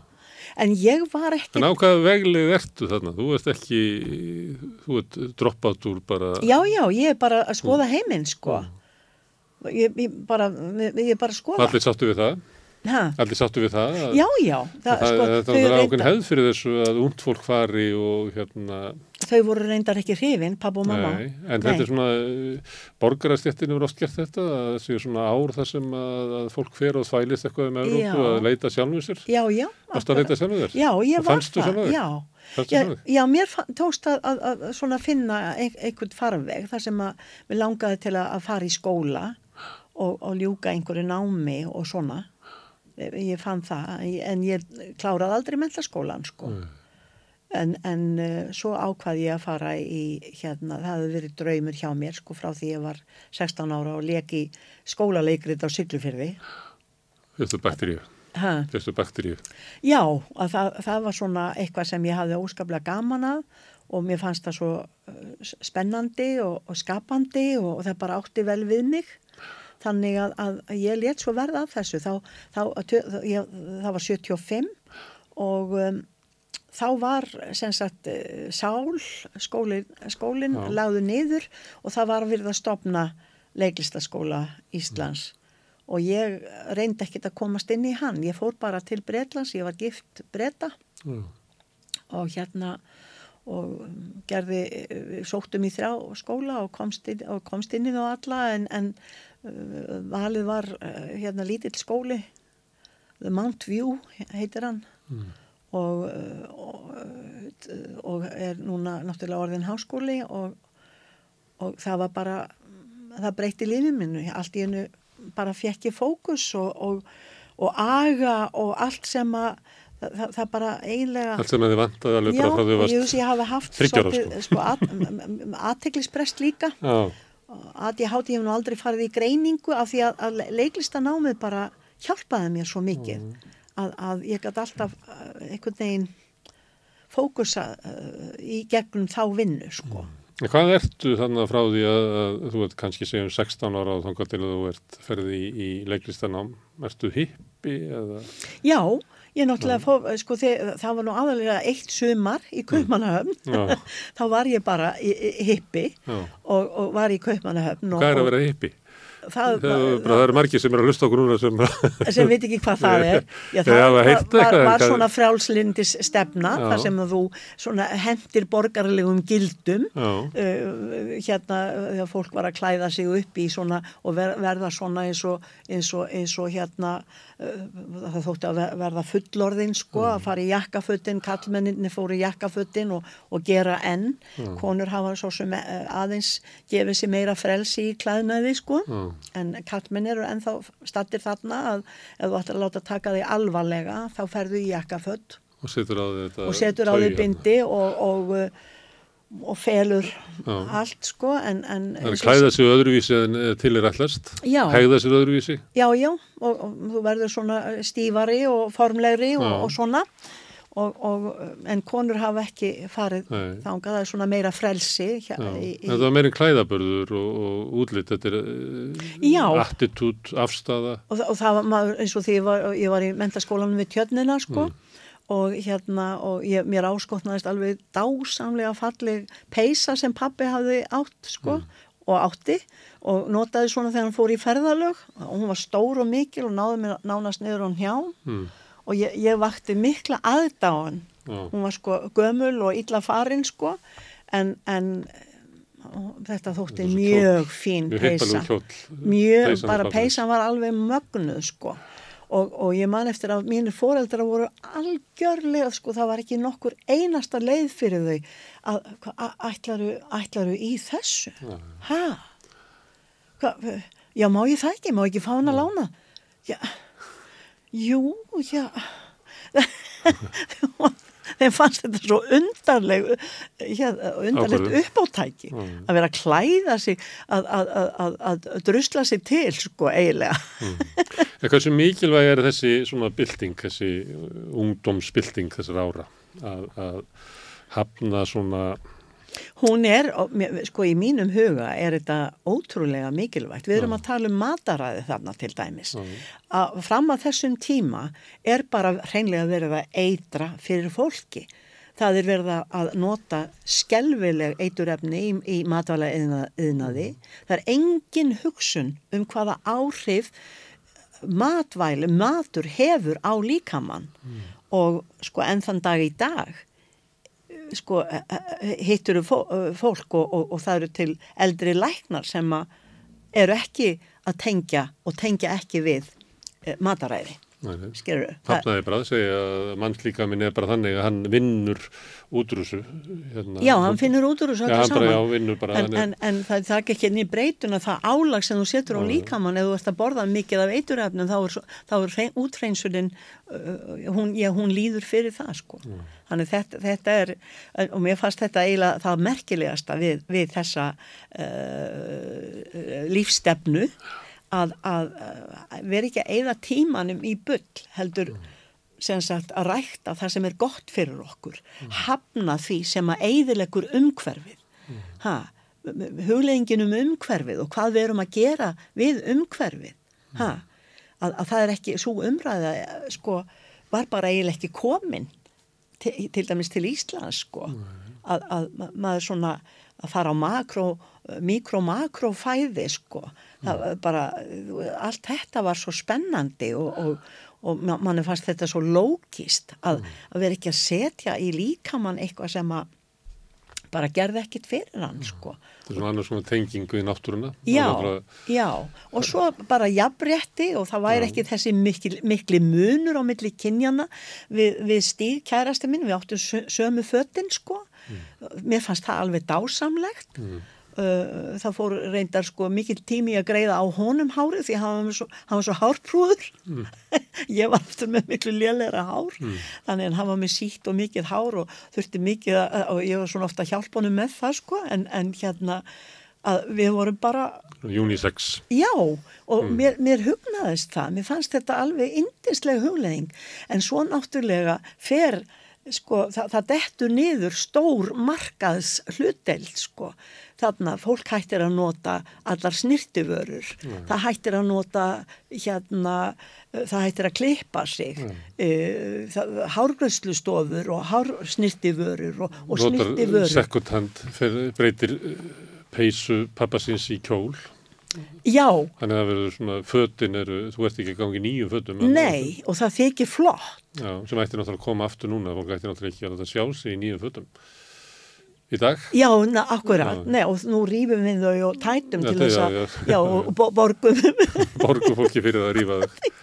Ha. já, hannig að, að, að, og svo er líka, Það er mikið af þessu við gengið tilbaka. Ég hérna á dóttir sem er 16 ára mm, og hún er alveg gáttuð á vinkonu sínum. Hún kallar þetta svona svinguvæðingu. já, Ég held að sko þú á þeim aldri er þið bara hissa og sægir sko ungar stúrkur í dag í metó. já, Já. sé já, svona lúkið sko. já, og hvað, í, í, í hvernig, Það er uh, bara einhvern veginn að mikið að snirtuvöru sko. Að, hérna, já, mikið að já, snirtvörum, setja bara að tala um snirtuvöru. já, maður tók þær alveg segir út, dóttir mín þegar hún er að kvarta yfir kynslu, segir dóttir mín þegar hún er að kvarta yfir kynsluðinu sinni já, að það seti bara að tala um snirtuvöru. já, og, og ég hef, ég hef svolítið áhyggjur af þessu, þér að segja. Mér, finnst, mér finnst í rauninni, sko, ef að feminismi snýst um það að, að við gerum, fáum að gera það sem okkur langar, Mm. þá velti ég fyrir mig hvað langar okkur Mm. til að gera. Uh, langar okkur til að vera með svo langar neglur að við erum eiginlega handlama. Já. Langar okkur til að eigða svona miklu í útlitið Mm. og í það að, að, að líta allar eins út einhvern veginn. Uh, langar okkur til að vera, veikja okkur í, í útliti. Vöruvæða, eiginlega. V já, vöruvæða konuna. er, er þetta djúb stæð löngun eða, eða er þetta félagsleg mótun? Og, og, og af hverju? Get, get, getur við breytt þessu eitthvað eða, eða höfum við ekki áhuga á því, ég veit þannig að, og þá er ég ekki að hafa skoðun á hvernig við höfum það, heldur bara hvað langar okkur til og hvernig, lang, hvernig viljum við hafa heiminn sem við erum í og hvað er líklegt til að skila árangri til okkar. Sko kallmenn sem hafa haldið sér við jakkaföttin þegar þeir eru, eru alltaf láta að taka sig alvarlega, þeir eiga allt og stjórna heiminum. Okkur hefur ekki ennþá tekist að fá hluteldi því. Þetta að minna Flestar- svona uniform Karlsins er til Já, að sína jæfi valdið. sko- En ef að kona fyrir í svona konu uniform með langa neglur og allt þetta, þá er það ekki valdeblandi, það er eiginlega letjandi. Já, sko, það er hugleðingar efni. Nema það sé valdeblandi fyrir konun að ganga í augu Karlsins. Já, og það er vissulega mikilvægt Mm. að, að sko við þurfum auðvitað að parast og, og, og við þurfum að gangi augun á, á, á hvort öðru sko, Þa, það er ekki spurning, Mm. en hversu langt eigum við að ganga af því að, að, að til dæmis eins og þarna á heipatímabilinu að sko eins og konur henda brjóstarhaldur á. Og fólk, og konur voru með, með stó, stór og lítil brjóst og allavega og, og enginn var að pæla í því. Allt í hennu var það bara ekkert mál.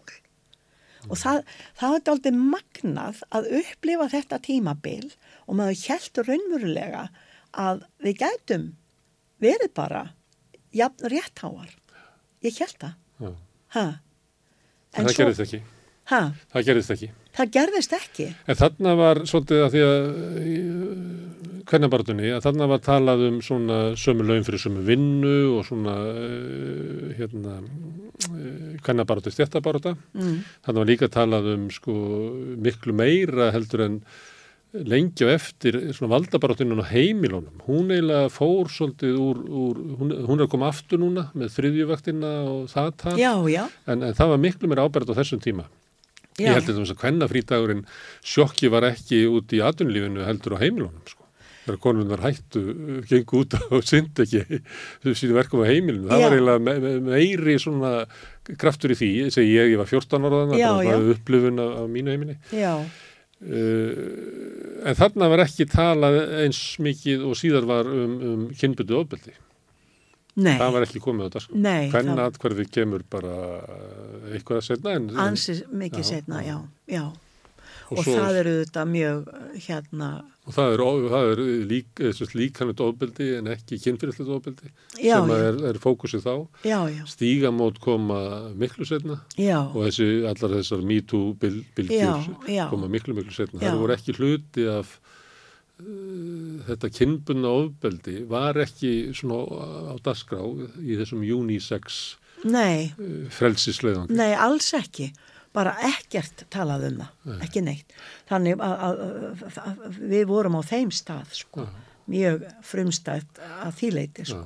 Þannig að mörguleiti er hérna, þín kynslu eins og séu framalegri, framar í kvennabarðinni en að öðru leiti bara miklu aftar sko. Já, algjörlega. Místroska. Já, svolítið misfroska, Já. ég er alveg sammála þegar góð skilgreining vegna þess að þetta var svona daldið næft og barnalegt sko og, og, og svona ma maður einhvern veginn var uh, sko, já og þetta frelsi að, að, að, að, að, að sko uh, hérna að, að setja uh, að leifa hárun að flæða uh, frjálslega í staðan fyrir að binda það upp eins og konum var gert að gera og, og, og hérna kallmenn að klippa sig, eh, hætta að klippa sig og, og letu hár sitt vaksa og, og allt þetta sko og, og, og klæðnaðurinn varð svona unisex og, og allt þetta. En, en á sama tíma að þá auðvita undir þessu og bak við þetta allt saman sefur þetta hræðilega misrétti og ofbeldi. Hmm. Samt í er þetta svona, þetta er litauðugri tími, stundum undra maður sig á tíman sem viljum um hvað er hvað mikið koks, öll húsin eru koksgrá og fólk klæði sig í koksgrá föt og það er ykkur svona eins og þessi deburð eh, í samaburðunum þegar allt var bara fullt af litum Já, og það- það getur veggfóðrólum Já. og það mátti bara heilu engi flötur vera að þess að hann væri bara psychedelic Já, já.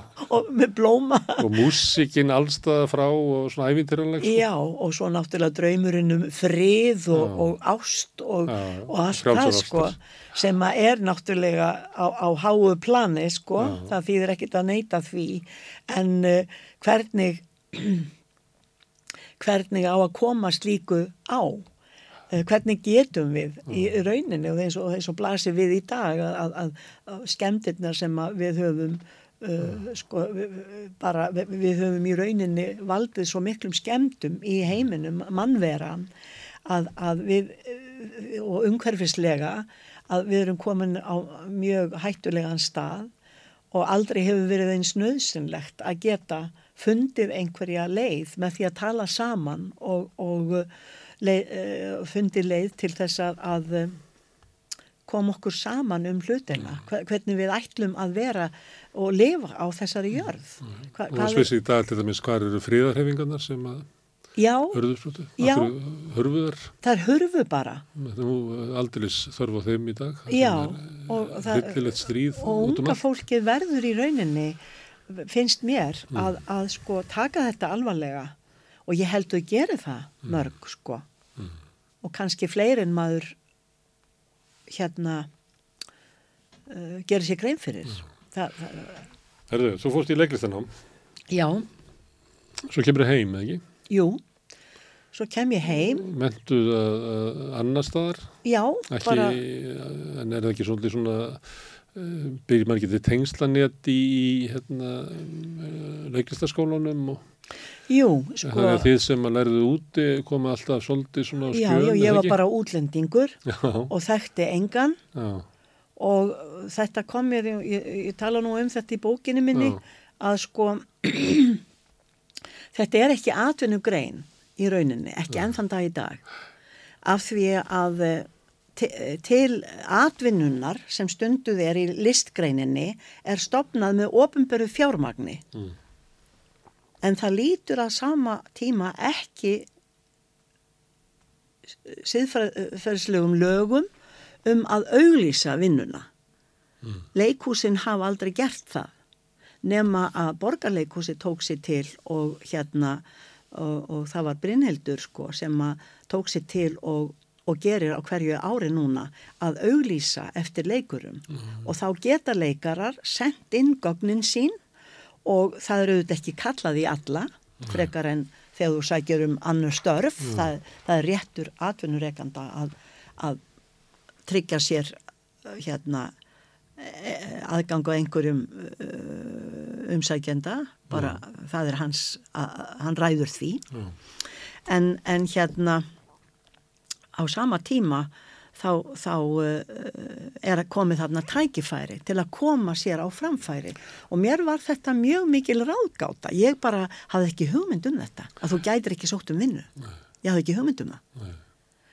og þegar ég reynda að ráðfæra mig við einhvern það bara, ég kom á lokuðum dyrum allstæðar og það enda með því að ég gaf mig fram við Stefan Baldursson og, og hérna uh, og uh, hérna fór fram á, á viðtal Og, og, var það þá yfir nú eða?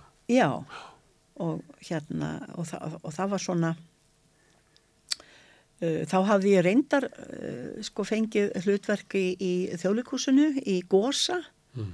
Og fór í hæfnispróf þar af því að það var út af söngnum. Mm. það, það, það var uh, hérna, ég fór í hæfnispróf út af öðru hlutverki en og gæt svo ekki tekið það ég var orðin ófrísk, ég giftist uh, setnimanninu mínum þarna Eh, þegar ég kom tilbaka.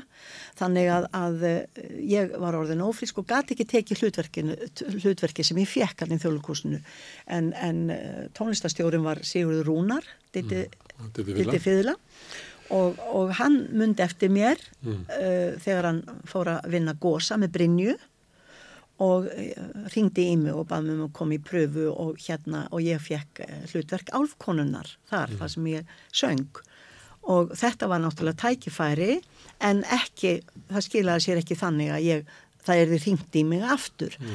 og ansi margir sem ég kynntist þarna uh, byðu bara eftir því að það er því ringt sko og ég er náttúrulega komið úr skóla þar sem mann er kent að fara í hæfnispróf. Mm.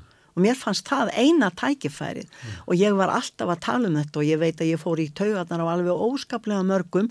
Og þegar ég held ræðum þetta þá egnaðist ég marga óvinni bara. Mm. af því að fólk, fólki fannst að sér vegið. Og við heldum hérna við tókum þátt í svona uh, rástefn á vegum borgarinnar þar sem uh, málefni leikúsuna voru rætt ég og, og Edda Björgvins og Gísli Rúnar og, og Þorstein Guðmundsson heldum öll eh, sitt hvort erindi mm. og hérna ég talaði um, um sko þetta uh, aðgengi sem að, að, að, að þessa staðrinda var ekki hægt að sækjum vinnuna og að það væru einhverjir bara klubbar Já. sem að maður kæmist ekki inn í Já. en ég var að vinna í, í leikúsinu sko ég, á þessum tíma og, og hérna uh, ég ætlaði mér ekki að særa neitt sko ég, ég var bara að tala um þetta sem uh, mér fannst uh, þetta var bara svona mín þarfa greining Já, sko. Hvað vildur ekki í íslenska koningasamfélagið? Ha, já. Ef maður á ekki réttu kunningina meina ég sko málið er að það, það er eh, sko, það er aldrei hægt að koma í veg fyrir að fólk eh, brjóti lög. Það, það er banna eh, sko, það, það er ímislegt bannað en fólk gerur það samt.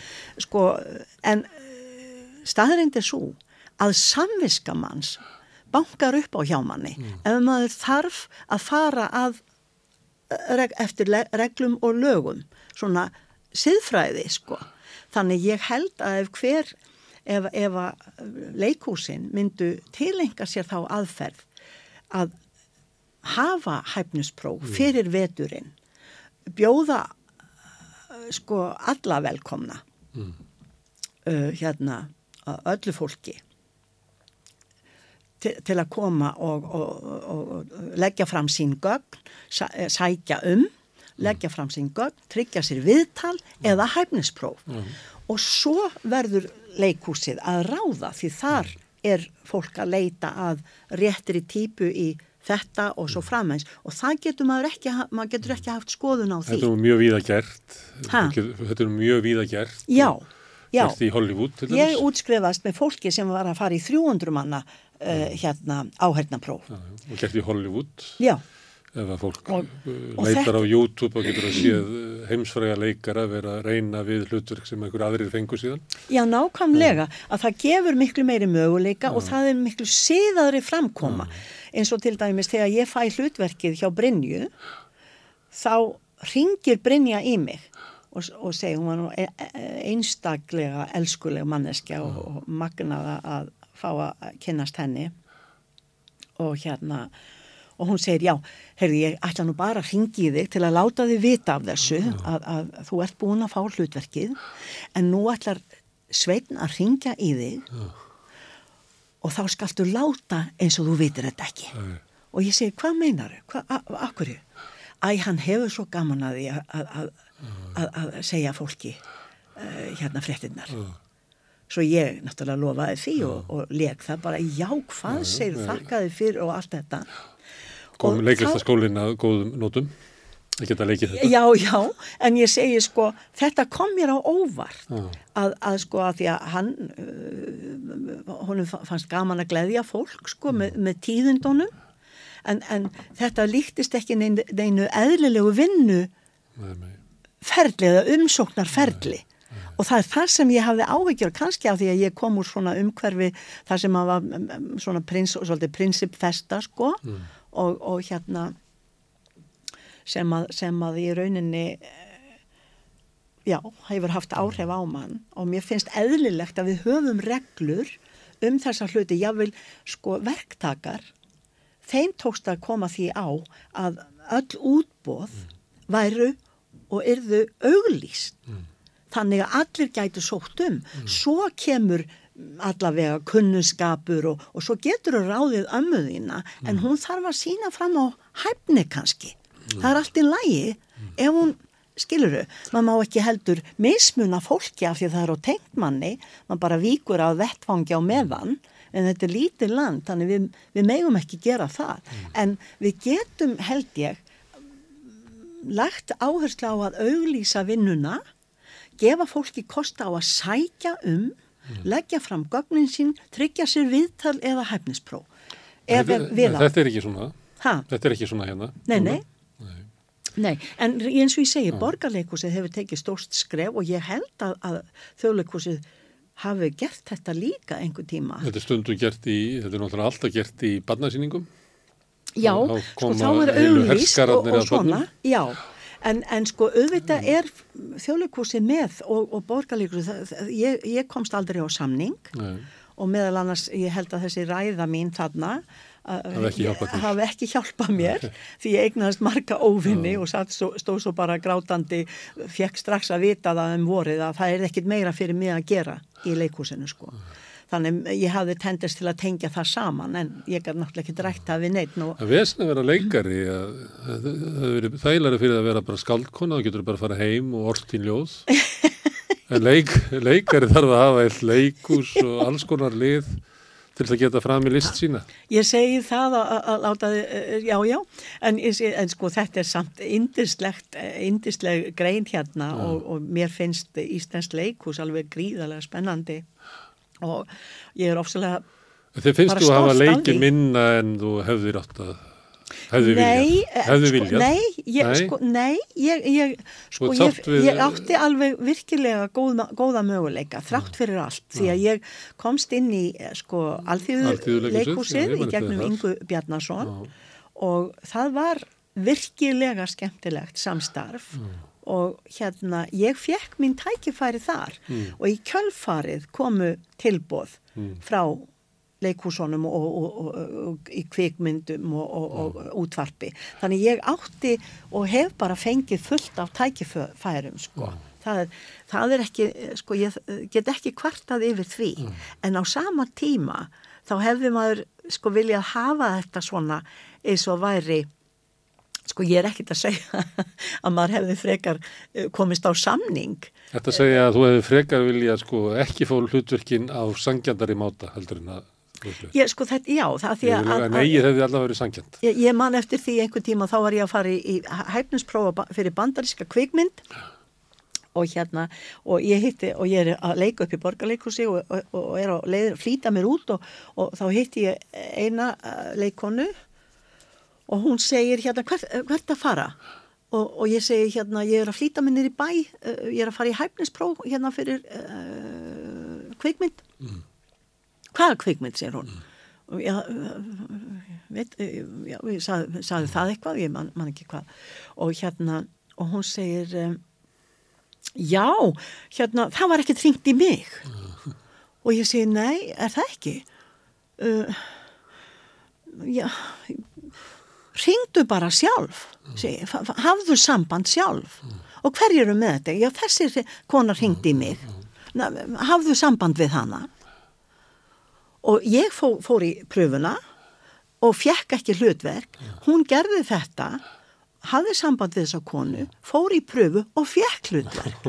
Þannig þetta, sko, það er svo borðliggjandi að, að sko pröfan getur skilað einhverju tilmanns sko, uh, þarna náttúrulega þekkti mann enginn.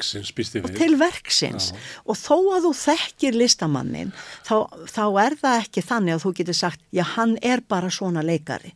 Þetta er eins og að segja að myndistamæður getur bara málað esjuna og ekkert annað. Er hann er bara sérfræðingur í esjunu og málar ekkert Það er annað. tilreynda svo liðsmenn sem eru alltaf að gera það sama.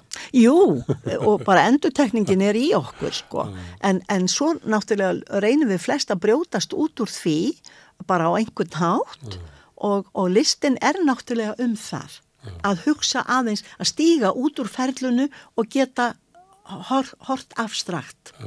Ha? Svo er náttúrulega, eh, lítur að vera rosa erfitt að vera leikari því að maður sér það þegar maður horfir yfir fólk, yfir langan feril. Mm. Að, að fólk er náttúrulega að vinna einhvern veginn með sjálf sig, ég veit ekki um það, ég er ekki leikari. En, en svo breytist fólk náttúrulega með aldrinum og það er ekkert svo margir leikara sem að ná að vera sko góðir ungir, góðir miðaldra, góðir gamlir. Nei, Því það gerir stundum með eitthvað sem að var alveg frábær ungur Já. en hann næri einhvern veginn og það sama Og náttúrulega þroskast við um, náttúrulega við um rítöfunda og aðra listamenn Já. að það að geta farið með list sína í gegnum ólík aldurskeið já, er bara eh, þrautin í þingra sko, þess að fólk þurfa að endurfæðast upp á nýtt og upp á nýtt og upp á nýtt. Já, og, og þetta er mjög krefjandi á allan hátt og, ég, og svo má segja sko að kannski margir leikarar sko geta lent í því að vera ofnotaðir.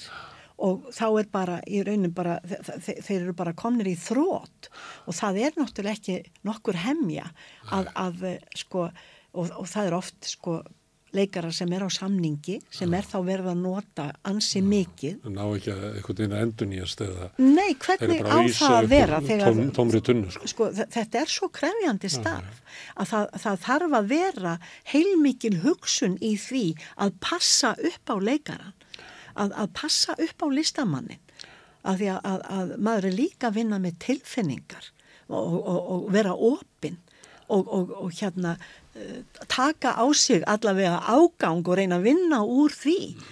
Uh, þetta ferli, sko, æfingaferli þar sem að eitt stjórnandi uh, er með auga á þér.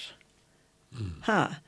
Uh, það getur verið mjög íþingjandi það getur verið mjög hvetjandi. Það fer alveg eftir metafísikinni frumspekinni sem myndast í rýminu sko, sem er oft meira um skinnjun heldur nokkuð annað sko En ertu ekki að ég laði þetta núna yfir í eitthvað svona leiklistarþerapíu sem að Jú, ég, Hvernig ég er fór þetta að nota leiklistina sko á þess að sé leiksvið og á þess að sé árundur? Já, ég, sko ég hef í rauninni hérna bara eins og margir Íslendingar, um, ég fór í, í me- endurmenntun, ég, ég bætti við með mastersnámi í, í, í grein sem heitir Drama Psychotherapy og uh, leiklistar meðferðarfræði, þetta er listmeðferð og það eru nokkri listmeðferðingar hér á land, með, meðferðarfræðingar hér á landi, my- myndlistar þerapistar, en, en við erum tvær og, e, e, sem eru með e, sko leiklistar meðferðina og hi- hinn dramaterapistin heitir Sigga Byrna og er kennari og er fjölskyldur áðgjafi líka og vinnur hjá samtökum 78 í dag og hún er uh, mjög mögnu kona og, uh, og þegar ég var, svo bætti ég við mig kennsluréttindanámi bæði í grunnskóla og, og, og leik, leikskóla og starfaði svo síðast sem uh, sérkennari á leikskóla.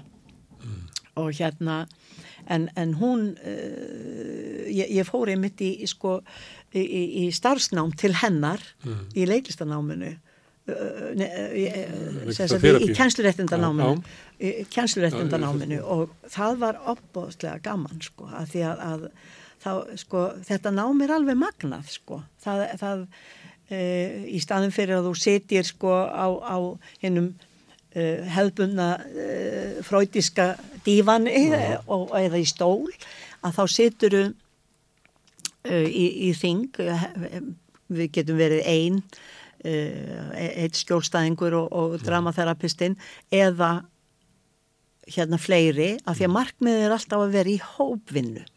Og vinna, sko hópurinn býr sér til dýnamikk, það verður mm. dýnamikk í hópnum sem að leiðir til eh, hérna eh, ef að vel er haldið utan um fótinn hó- hópinn. Og, og þetta verður svona eins og, eins og hérna e,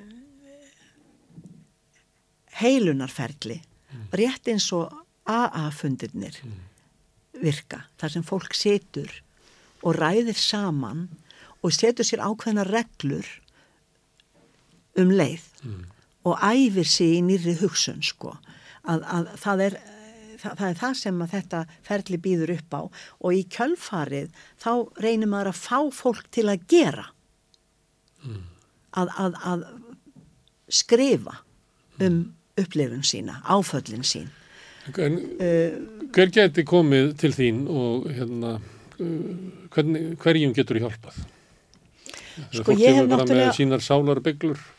Já, sko, það, það, þetta er í rauninni, aðferðin er, er bara þessi að, að nota hugmyndafræði og tækni leikúsins til að hjálpa fólki að, að hérna horfa á sjálft sig og vinna með sínar óuppgerðu tilfinningar og áföll og hérna um leiðu ferð á fætur og ferða, þú, þú ert búin að setja saman einhverjar hugleðingar í texta Mm.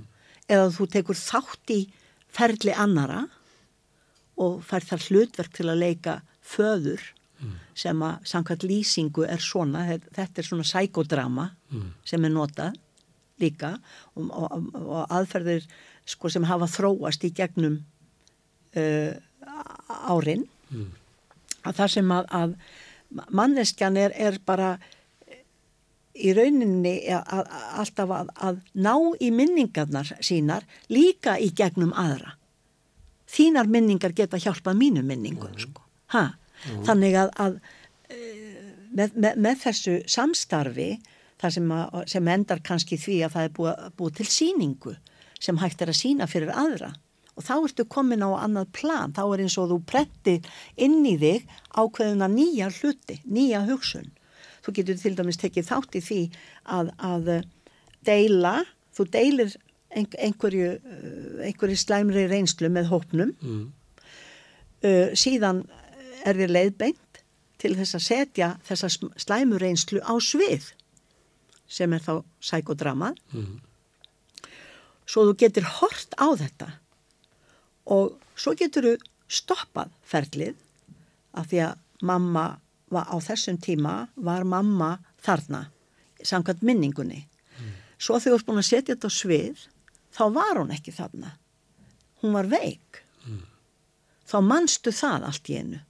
Þa, það, það, það koma nýjar minningar til þín. Mm.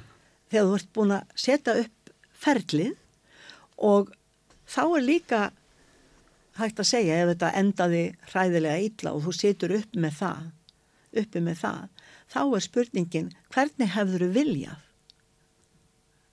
gera þetta? Mm. Hvað hefur þú viljað gera? Og þá getur þú breytt því. Mm. Og skánaður fólki.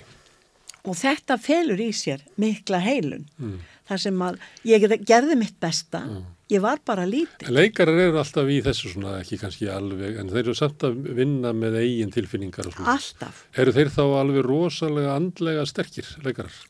Já. Nei, ég held við séum alls ekki andlega sterk.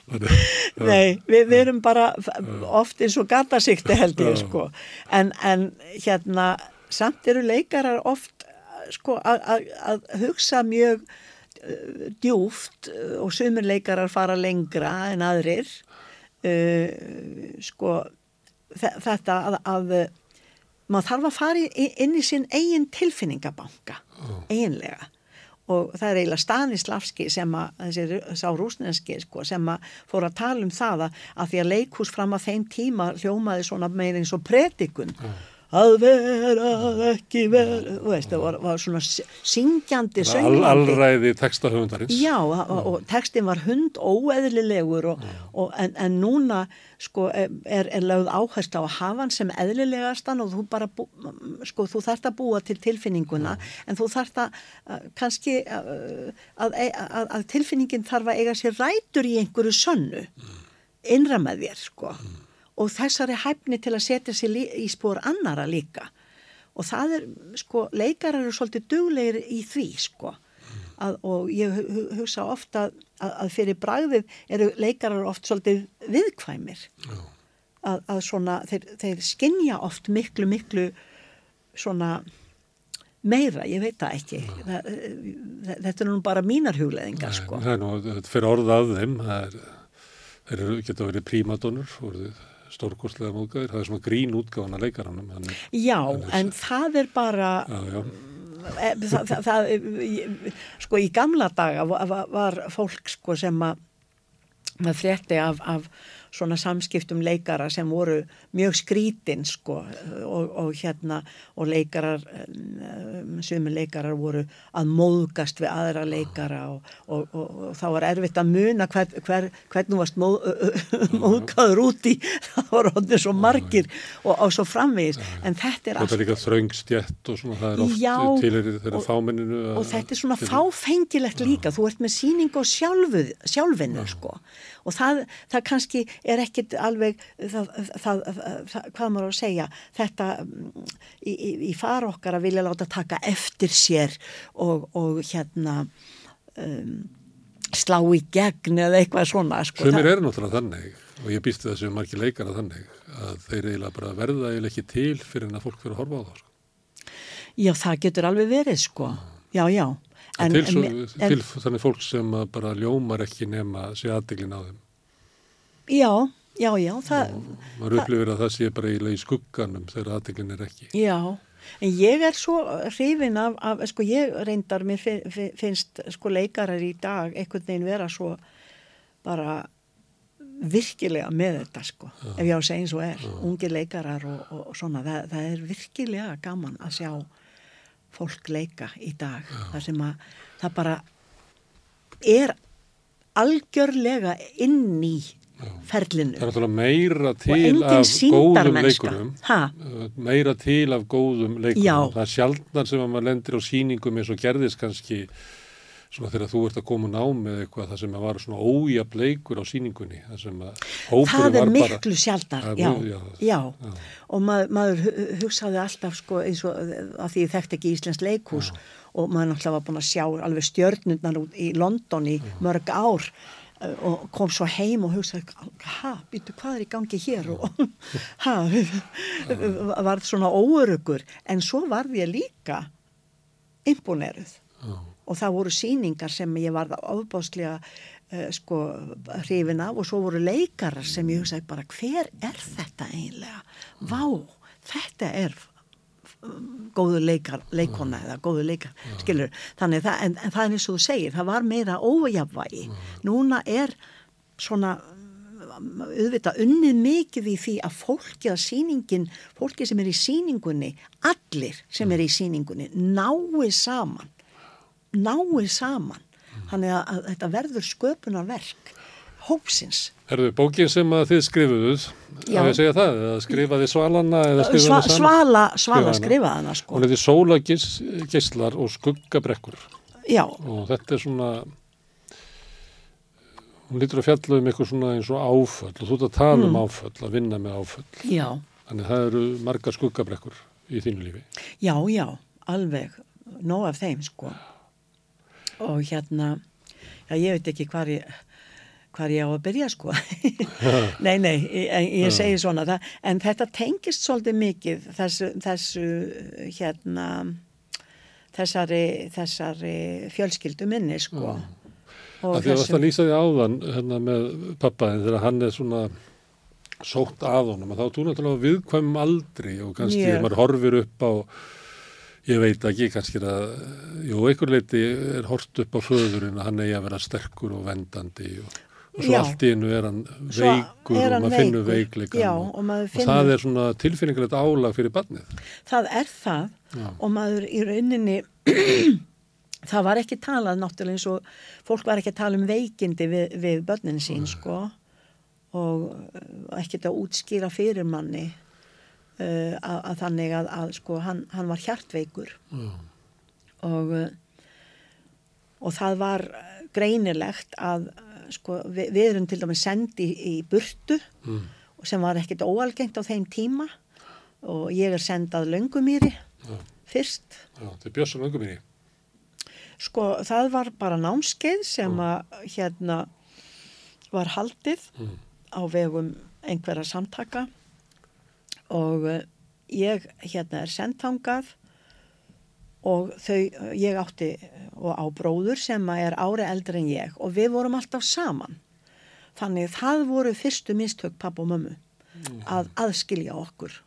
Það var mjög alvarlegt áfall fyrir mig. Og ég var þarna einn og svo skildi ég ekki af hverju mig, af því ég var svona krakki sem að mér gekk vel félagslega, ég, mér fannst óskaplega gaman að leika mér, ég átti fullt af vinum. Og ég var alveg óvön því að fólk vildi ekki leika við mig. Mm. en þarna vildi enginn leika við mig. Þannig ég var óskaplega einmanna og, og, og sko hugsjúk yfir því að vera ekki heima hjá mér og ég skildi þetta ekki. Hvað, hvað, var þa- þarna baki og ekki með bróðum minn. Þannig að, að og það var hann eitt atvik sem ég tala nú um sko í, í bókinni. Að hérna þar var stúlka sem að ég stóð, við stóðum þarna baka til í húsinu og vorum að, að hérna ég, við stóðum saman og vorum að horfa á krakkana úti. Og ég var eitthvað treg til að fara út því ég vissi að þær vildu ekki leika við mig. Og ég stend þarna bara og svo er, er hún með blað og fer að fletta í blaðinu. Og svo segir, snýr hún sér að mér og segir hérna, heitir pappi þinn ekki Áki Jakobsson? Og ég, allt í hennu það bara nefnir nafnið og það bara ég, allt lýsist upp sko, ég verð bara svona jú, það er pappi minn Mm. segi ég. Og þá segir hún eitthvað slæmt sem ég man ekki hvað er og svo les hún einhvern ófagnu um pappa minn. og ég skil ekki orðin en ég skil að þetta er vond og ég verð alveg gjörsamlega miður mín. Og ég byrja bara að gráta. Og sko ég er algjörlega stjórnlaus. Og hérna og eiginlega mann mjög lítið eftir þessu hvað, hvað, hvað gerðist þarna nema að það er náð í forstöðu konuna Ingi Björgu sem var indisleg kona. Og hún var svolítið lágvaksinn og ég var hávaksinn bann sko þarna sex ára á, á, á sjötta ári. Og uh, hún tekur mig í fangið og reynir að hugga mig og reynir með þess að bera mig sko. Og, og ég man að ég er svona ég, ég man eftir líkamlegu snertingunni af því að ég var, hafði áhyggjur að hún gæti ekki borið mig. Og, og hún fer með mig af síðis og, og bara upp í herbergi sitt og leggst leg, leggur mig á dívanin og leggst við hliðin á mér og bara heldur utan um mig og þanga til ég er búin að jafna mig. Og þá segi ég, hún fer að ganga á mig og svona og ég reyni að segja henni frá þessu. Og sennilega ég veit ekkert hvort að hún hefur látið þessa konu heyra það, stúlku heyra það eða eitthvað svona, ég veit það ekki. En allavega þá fullvisar hún mig um að, að ég þurfi ekki að hafa áhyggjur og, og, og segir uh, eitthvað fallegt við mig og róa mig og segir mér svo hún ætla að byggja fóreldra mín að senda mig pakka, það mátti ekki senda pakka og mátti ekki ringja sko. Fólk var náttúrulega svo fáfrótt þarna eins og hefur komið fram í sambandi við rekstur barna heimala. Og hérna og svo bara svona byrja þetta, þetta ferli smám saman að ég fer að ná sambandi við, við hina krakkana. Og svo man ég eftir því að hún kallar í mig og, og byrði mig að koma upp. Og þá hafði pappi, höfðu pappi og mamma sendt mig pakka. Og þar var bref og það las hún fyrir mig og þar sem að þau fullvisuðu mig um að þau þættu svo væntu mig og óskaplega fallit bref og ég greit þarna af gleði og hamingju og, og svona hún þarna var ég bara búin að ná mér og ég var byrjuð að leika við stelpunnar en svo sé ég að þegar, farið, að þegar við skoðum þetta síðar að námskeiðið var fyrir tí ára börn. Og ég var svo miklu yngri. Og þannig komin skýringin á því ekki leikað þig. já, að, sko ég náttúrulega var miklu yngri, ég var bara barn. En, en svo tókst að yfirvinna það sko og þannig ég var alveg komin inn í hópin fyrir rest sko og, og, og fannst bara gaman oft á tíðum sko. En þetta var svona einhvern veginn og, og, og af því að maður hafði orðið fyrir svona núningum að þá var þetta alveg opin und sko og hefur í rauninni alltaf verið og þess vegna hefur það gert mér svo gott að skrifa að- eða taka þátt í að, að, að gera þessa bók. En nú erum við með svona alls konar beglur og inn í okkur eru við öll það sem við höfum verið alla tíð. Mhm. Það er hérna, litla magga sem að sér á eftir mömmu sinni og, Mm. og það er sífurandi magga í sveitinni mm, já, já, og það er særða magga á unglingsárunum og, já, já. Og ég reyndar ekki kallið magga. Ha, magga marga. Já, já, ég var svona að reyna að gera hana litla já, já, akkurat Það er að tala niður til já, möggu. já, ég veit það. Við leiðum ekki að heita Margaret. e, og það, þetta, er allt í okkur Mm, og þú, hérna, og þú ert svolítið að fjallum að svona heilun og, já, og er, er engin leið fyrir hérna, okkur beglaða fólkið að verða heil nema að fara og hitta, verði að fara að hitta hérna, yfir gefna smára og særða smára og finna ég held það ég held að þeir eru svo margir sko, þeir eru bara Já. mér endist alltaf æfin á því að hugga alla þessa drengi Nei, en, en, en það er í rauninni ekki nöðsilegt að hugga alla drengina. Nei. Það er, í, læ- eh, það er nóg að hugga einn, sko. Að, að, að svo minning, það, það sem að, sko, í rauninni við upplifum hlutina svo mismunandi. Það sem að, að, sko, eins og í, í ljósi þess sem fólk upplifir oft, eða upplifir hræðilegt ofbeldi, uh, sko, eitthvað svo hræðilegt að það, það sko mun aldrei til, til þess að aldrei geta náð sér sko. Um, sko það getur náttúrulega engin dæmt um það nema svo manneski sem lendir í því það, hún, hún, er en, en, og hún verður að vera leitandi að, að sætta sig ekki við frávika hegðun sína sko. Það getur kannski verið auðveldar að eiga við eitthvað svona atbörð, eitthvað atvik. já, En svo áfall getur líka verið langvarandi ástand yfir sko mörg mörg ár sem að fólk á erfiðara með að glöggva sig á, erfiðara með að, og það á við mig ég, það var ekkert uh, sko, það, það eru svona tvö uh, það heitir eitthvað skuggabrekkur. já, Þetta er ekki... Nei, Já. í- akkurat, þetta, þetta er svona, þetta er alltaf og, og þetta, þessi sorg út af drengnum sem dó og við fengum eiginlega ekkert að vita um hann. Mm. Og meiri segja enn þann dag í dag, eh, eh, sko ég hitti bræðu mína, elsta bróður minn og hann deildi með okkur minningu um bróður sinn sem að var nær honum í aldri, hann var eldri en Onni, get, Jón Ármanni var kallaður Onni. Mm. indislegu drengur, jákvæður, skemmtilegur, uh, mikill húmoristi og, og einmitt var í bekk með Ómari Ragnarsinni og, og þeir urðu svo góðir félagar sko, náðu svo vel saman og, og hérna þannig að þetta, þetta er sko svo skelvilegt áfall auðvitað að missa barn og af því að þau ná ekki að syrkja hann þá er bara myndin af honum á flíklinum í stofunni og óskaplega fallegur silfurrammi og maður horfi oft á myndina fór inn í stofu horfi á myndina og svo langaði mann svo til að tala um hann og spyrja. En það var alltaf já, mamma fór bara í Já, hún þóldi það ekki. ha, Hún gati það ekki. hún gata ekki. Hún gat ekki talað um hann. Mm. Vegna þess að hún talaði ekki um hann. Nei, að, að, að, og hann gat ekki deilt uh, með okkur hver hann var. Og, og, og þetta er sko, og, og bara þegar ég tala um þetta þá vellir upp í mér sorg sko, af því að þetta er, maður fann fyrir þingslónum þess að þess að uh, uh, uh, lágin svo mara yfir ha? Svolítið grafhísi. og á þessum tíma er grafhísi líka inn á heimilinu. Já, og pappi er að verða fyrir á, á, á, ágangi og gaggríni af því hann getur ekki mætt uh, nógu mikið í, í kjördæmið sitt og Brynjólfur gerir sér ferð til að bera hann út á, siglufyrði. Ha? Og, og, sko, og þetta, ég lýsi þessu nú í bókinni sko, þessu uh, svona samstöði þeirra.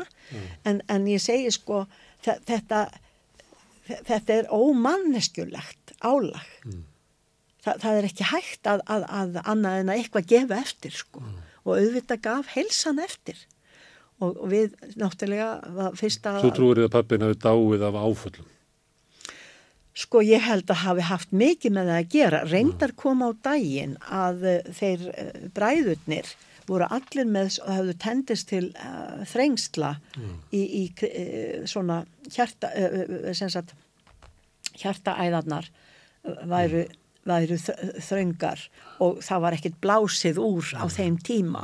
Og þeir dóu flestir úr þessu bræðurnir. En, en sko ég veit ekki hvort að það, þetta á við í dag hvort að, að, að þetta að því að bara lifnaðarhættir framkalla þrengsli líka sko og fylla æðarnar af, af öllu mögulegu sko þannig að, að en það var tala mikið um þetta og, og það var fylst með kallmönunum í fjölskyldunni út af þessum galla að, sem var talið vera galli. En það hefur átt stóran þátt í þetta álag sem hann Maður undir. var undir. Og þetta að missa alla vini, við missum ekki sko bara, vi- eða þau missa ekki bara vini sína, þau missa fjölskylduna. Öll móðurfjölskyldan, Þóróttur Guðmundsson, fyrirverandi alþykismadur, var móðurbróðið minn og félagi pappa og allt sko, samfélagið á Siglufyrði sem barðist fyrir pappa og með honum. Þetta var fólk sem var svo reitt út í hann og meiri að sonur minn, Snæbjörn Áki, Fridriksson sem býr á Siglufyrði í dag, hann lendi í því að, að, hérna, að einhver saði við hann Áki, hvaða ákanafn er það? Já, það er afi minn, hann hétt Áki Jakobsson. Já, ertu barna barna hans? Það var nú meiri anskotans fíbl. og Áki stóð bara staff fyrir úr og saði, já, er það? Já, ég kynntist honum aldrei. en, en sko, hugsaði mér, bara hann hafði engar áhyggjur af því að, að, að, að segja svona en, og þetta, maður getur bara hleyið að þessu sko. og En, við ekki ímynda sig hvað hefur þá verið sagt um hann sko síðustu halvu öldina já, þá getur þú ímyndað þér það sko. er þetta ekki normal að segja þetta í dag Já, að, að sko, Þannig að hann og Og þið er mistu pólitíkus. heimabæin, fjölskylduna, vinina. já, og allt í einu bara hurfins og Lúðvík og Fjóla, þau voru heimilisvinir okkar. Og þau voru svo góð við okkur, þau voru svo miklu vinir okkar, þau áttu eitt dreng sjálf og voru mikið barnafólk. Og okkur þótti svo vænt um þau. Og allt í hennu koma þau ekki. Og svona var með marga sem að voru bara partur af okkar lífi og voru í öllum veistlum og svo allt í hennu koma þau ekki. Og öll fjölskyldan á segluförði þau kom ekki. Þannig þetta gest hvað maður heimili eh, hætti að vera það. já það hætti að vera svona gestkvæmt sko, já. Og bara þau, þau voru svona bara eins og sagt er í mannfræðinni sko útilókuð sjönd sko og það Slaufað. hefur mikil áhrif á heilan sko Og slaufað. Slaufað, já. Og það var ekkit hægt að diskutera frá því plattformi, sko. Það bara lokast hurðin, algjörlega. En þeir náðu svo saman, Þóróttur, uh, móðubróðir og pappi og sættust fullum sáttum áður en að Þóróttur fjett frá, hann fjett frá og undan pappa. Svo dó pappiðinn, hvað, 64? Já, 75 ára, uh, 75, 64 ára. Já. Og þú varstu farin út í náms þá? Nei, ég var rétt um það bil að fara. Mm. Þannig að, að hérna, það var uh, mjög, og, og líka ma, hann gaf manni náttúrulega ansi mikið öryggi alltaf sko, hann var það svona, hann hafði alltaf svona ráðundir rifi hverju sko, maður gæti leita til hans og ég vissi að ef ég lendi í ógöngum í útlöndum þá myndi hann retta mér sko, en svo var hann farin allt í einu sko, þannig að það var alveg, maður er náttúrulega ungur, bara 24 ára. Og hérna það var rosalegt áfall að missa hann sko. Ma, maður átt- átti bara mjög bátt með að hugsa sér tilvöruna án, á, hann var svona kannski patriarkir sko þessi, þetta san, sannur fulltrúi fæðraveldisins og hafði mikil áhrif á mann. Hann gætt líka, sko, þú veist, auðvitað hafði hann fullt af göllum og var mjög erfiður maður að mörgu leiti, uppstökkur og maður vissi ekki alltaf hvar maður hafðan. Hann gætt snúið sér snögglega að manni og ásakað mann um eitthvað og maður var alveg skýt hrættur og oft var mikil spenna og, og spennan held ég að hafi farið rosalega illa með mann líka. Að svona hvað á ég að segja, á ég að svara? Maður svaraði síman og, og það var bara ekki svar í síman, skilur maður var alltaf ha, og, og, og þá vildi hann ekki vera heima kannski og maður sko vildi ekki láta ná í sig. Og allt mögulegt svona sem fylgir þessu og eins að, að maður hefði eitthvað eftir að því maður tók eftir því að fólk hafði áhuga fyrir því hvernig er Áki Jakobsen sem pappi Jakob, Jakobsson sem pappi var, var spurt sko. Og maður bara já, hann, hann er bara hann er bara góður. Þú veist, maður vissi ekki hvað maður átt að segja. Þa- þannig að, að það var svona mm, allt mögulegt já, e- þessi núningar og spenna sko, sem einhvern veginn bara sem hefur fyllt þér. Þú farið með æskuheimilið þitt Já, já, og fæðin hefst mikil áhrif á þig. Við byrjum svolítið að tala um hann og spurningum að við endum hér í uppöfinu. Já. Að tala um, um Áka Jakobsson, föðuðinn. mm, Margrét Ákvæðdóttir, takk fyrir að koma hérna að rauðaborðinu og leiða okkur að, að kynast þér. já, takk fyrir að bjóða mér. Já, takk. Og hérna framundan á helgina á rauðaborðinu er að við spilum í útarpinu hér setna í dag úrval úr þáttum vikunar eins og útarstöðar gera gætna. Svo í fyrramálið klukkan nýju verður Otni Eir Ævarsdóttir með friðaviðræður eða mótmann í morgunmatt, það er þáttur sem maður veit ekki hvað hann á að heita. Svo í hátinu þá verður þjóðmálaþátturinn sinni reyils. Þetta er helgadagskráin hjá okkur á samstöðinni og svo byrjar ballið aftur á mánundaginn með rauður raunveruleika og rauðaborðinu klukkan átta. En ég segi bara góða helgi. Segðu það á samstöðinni.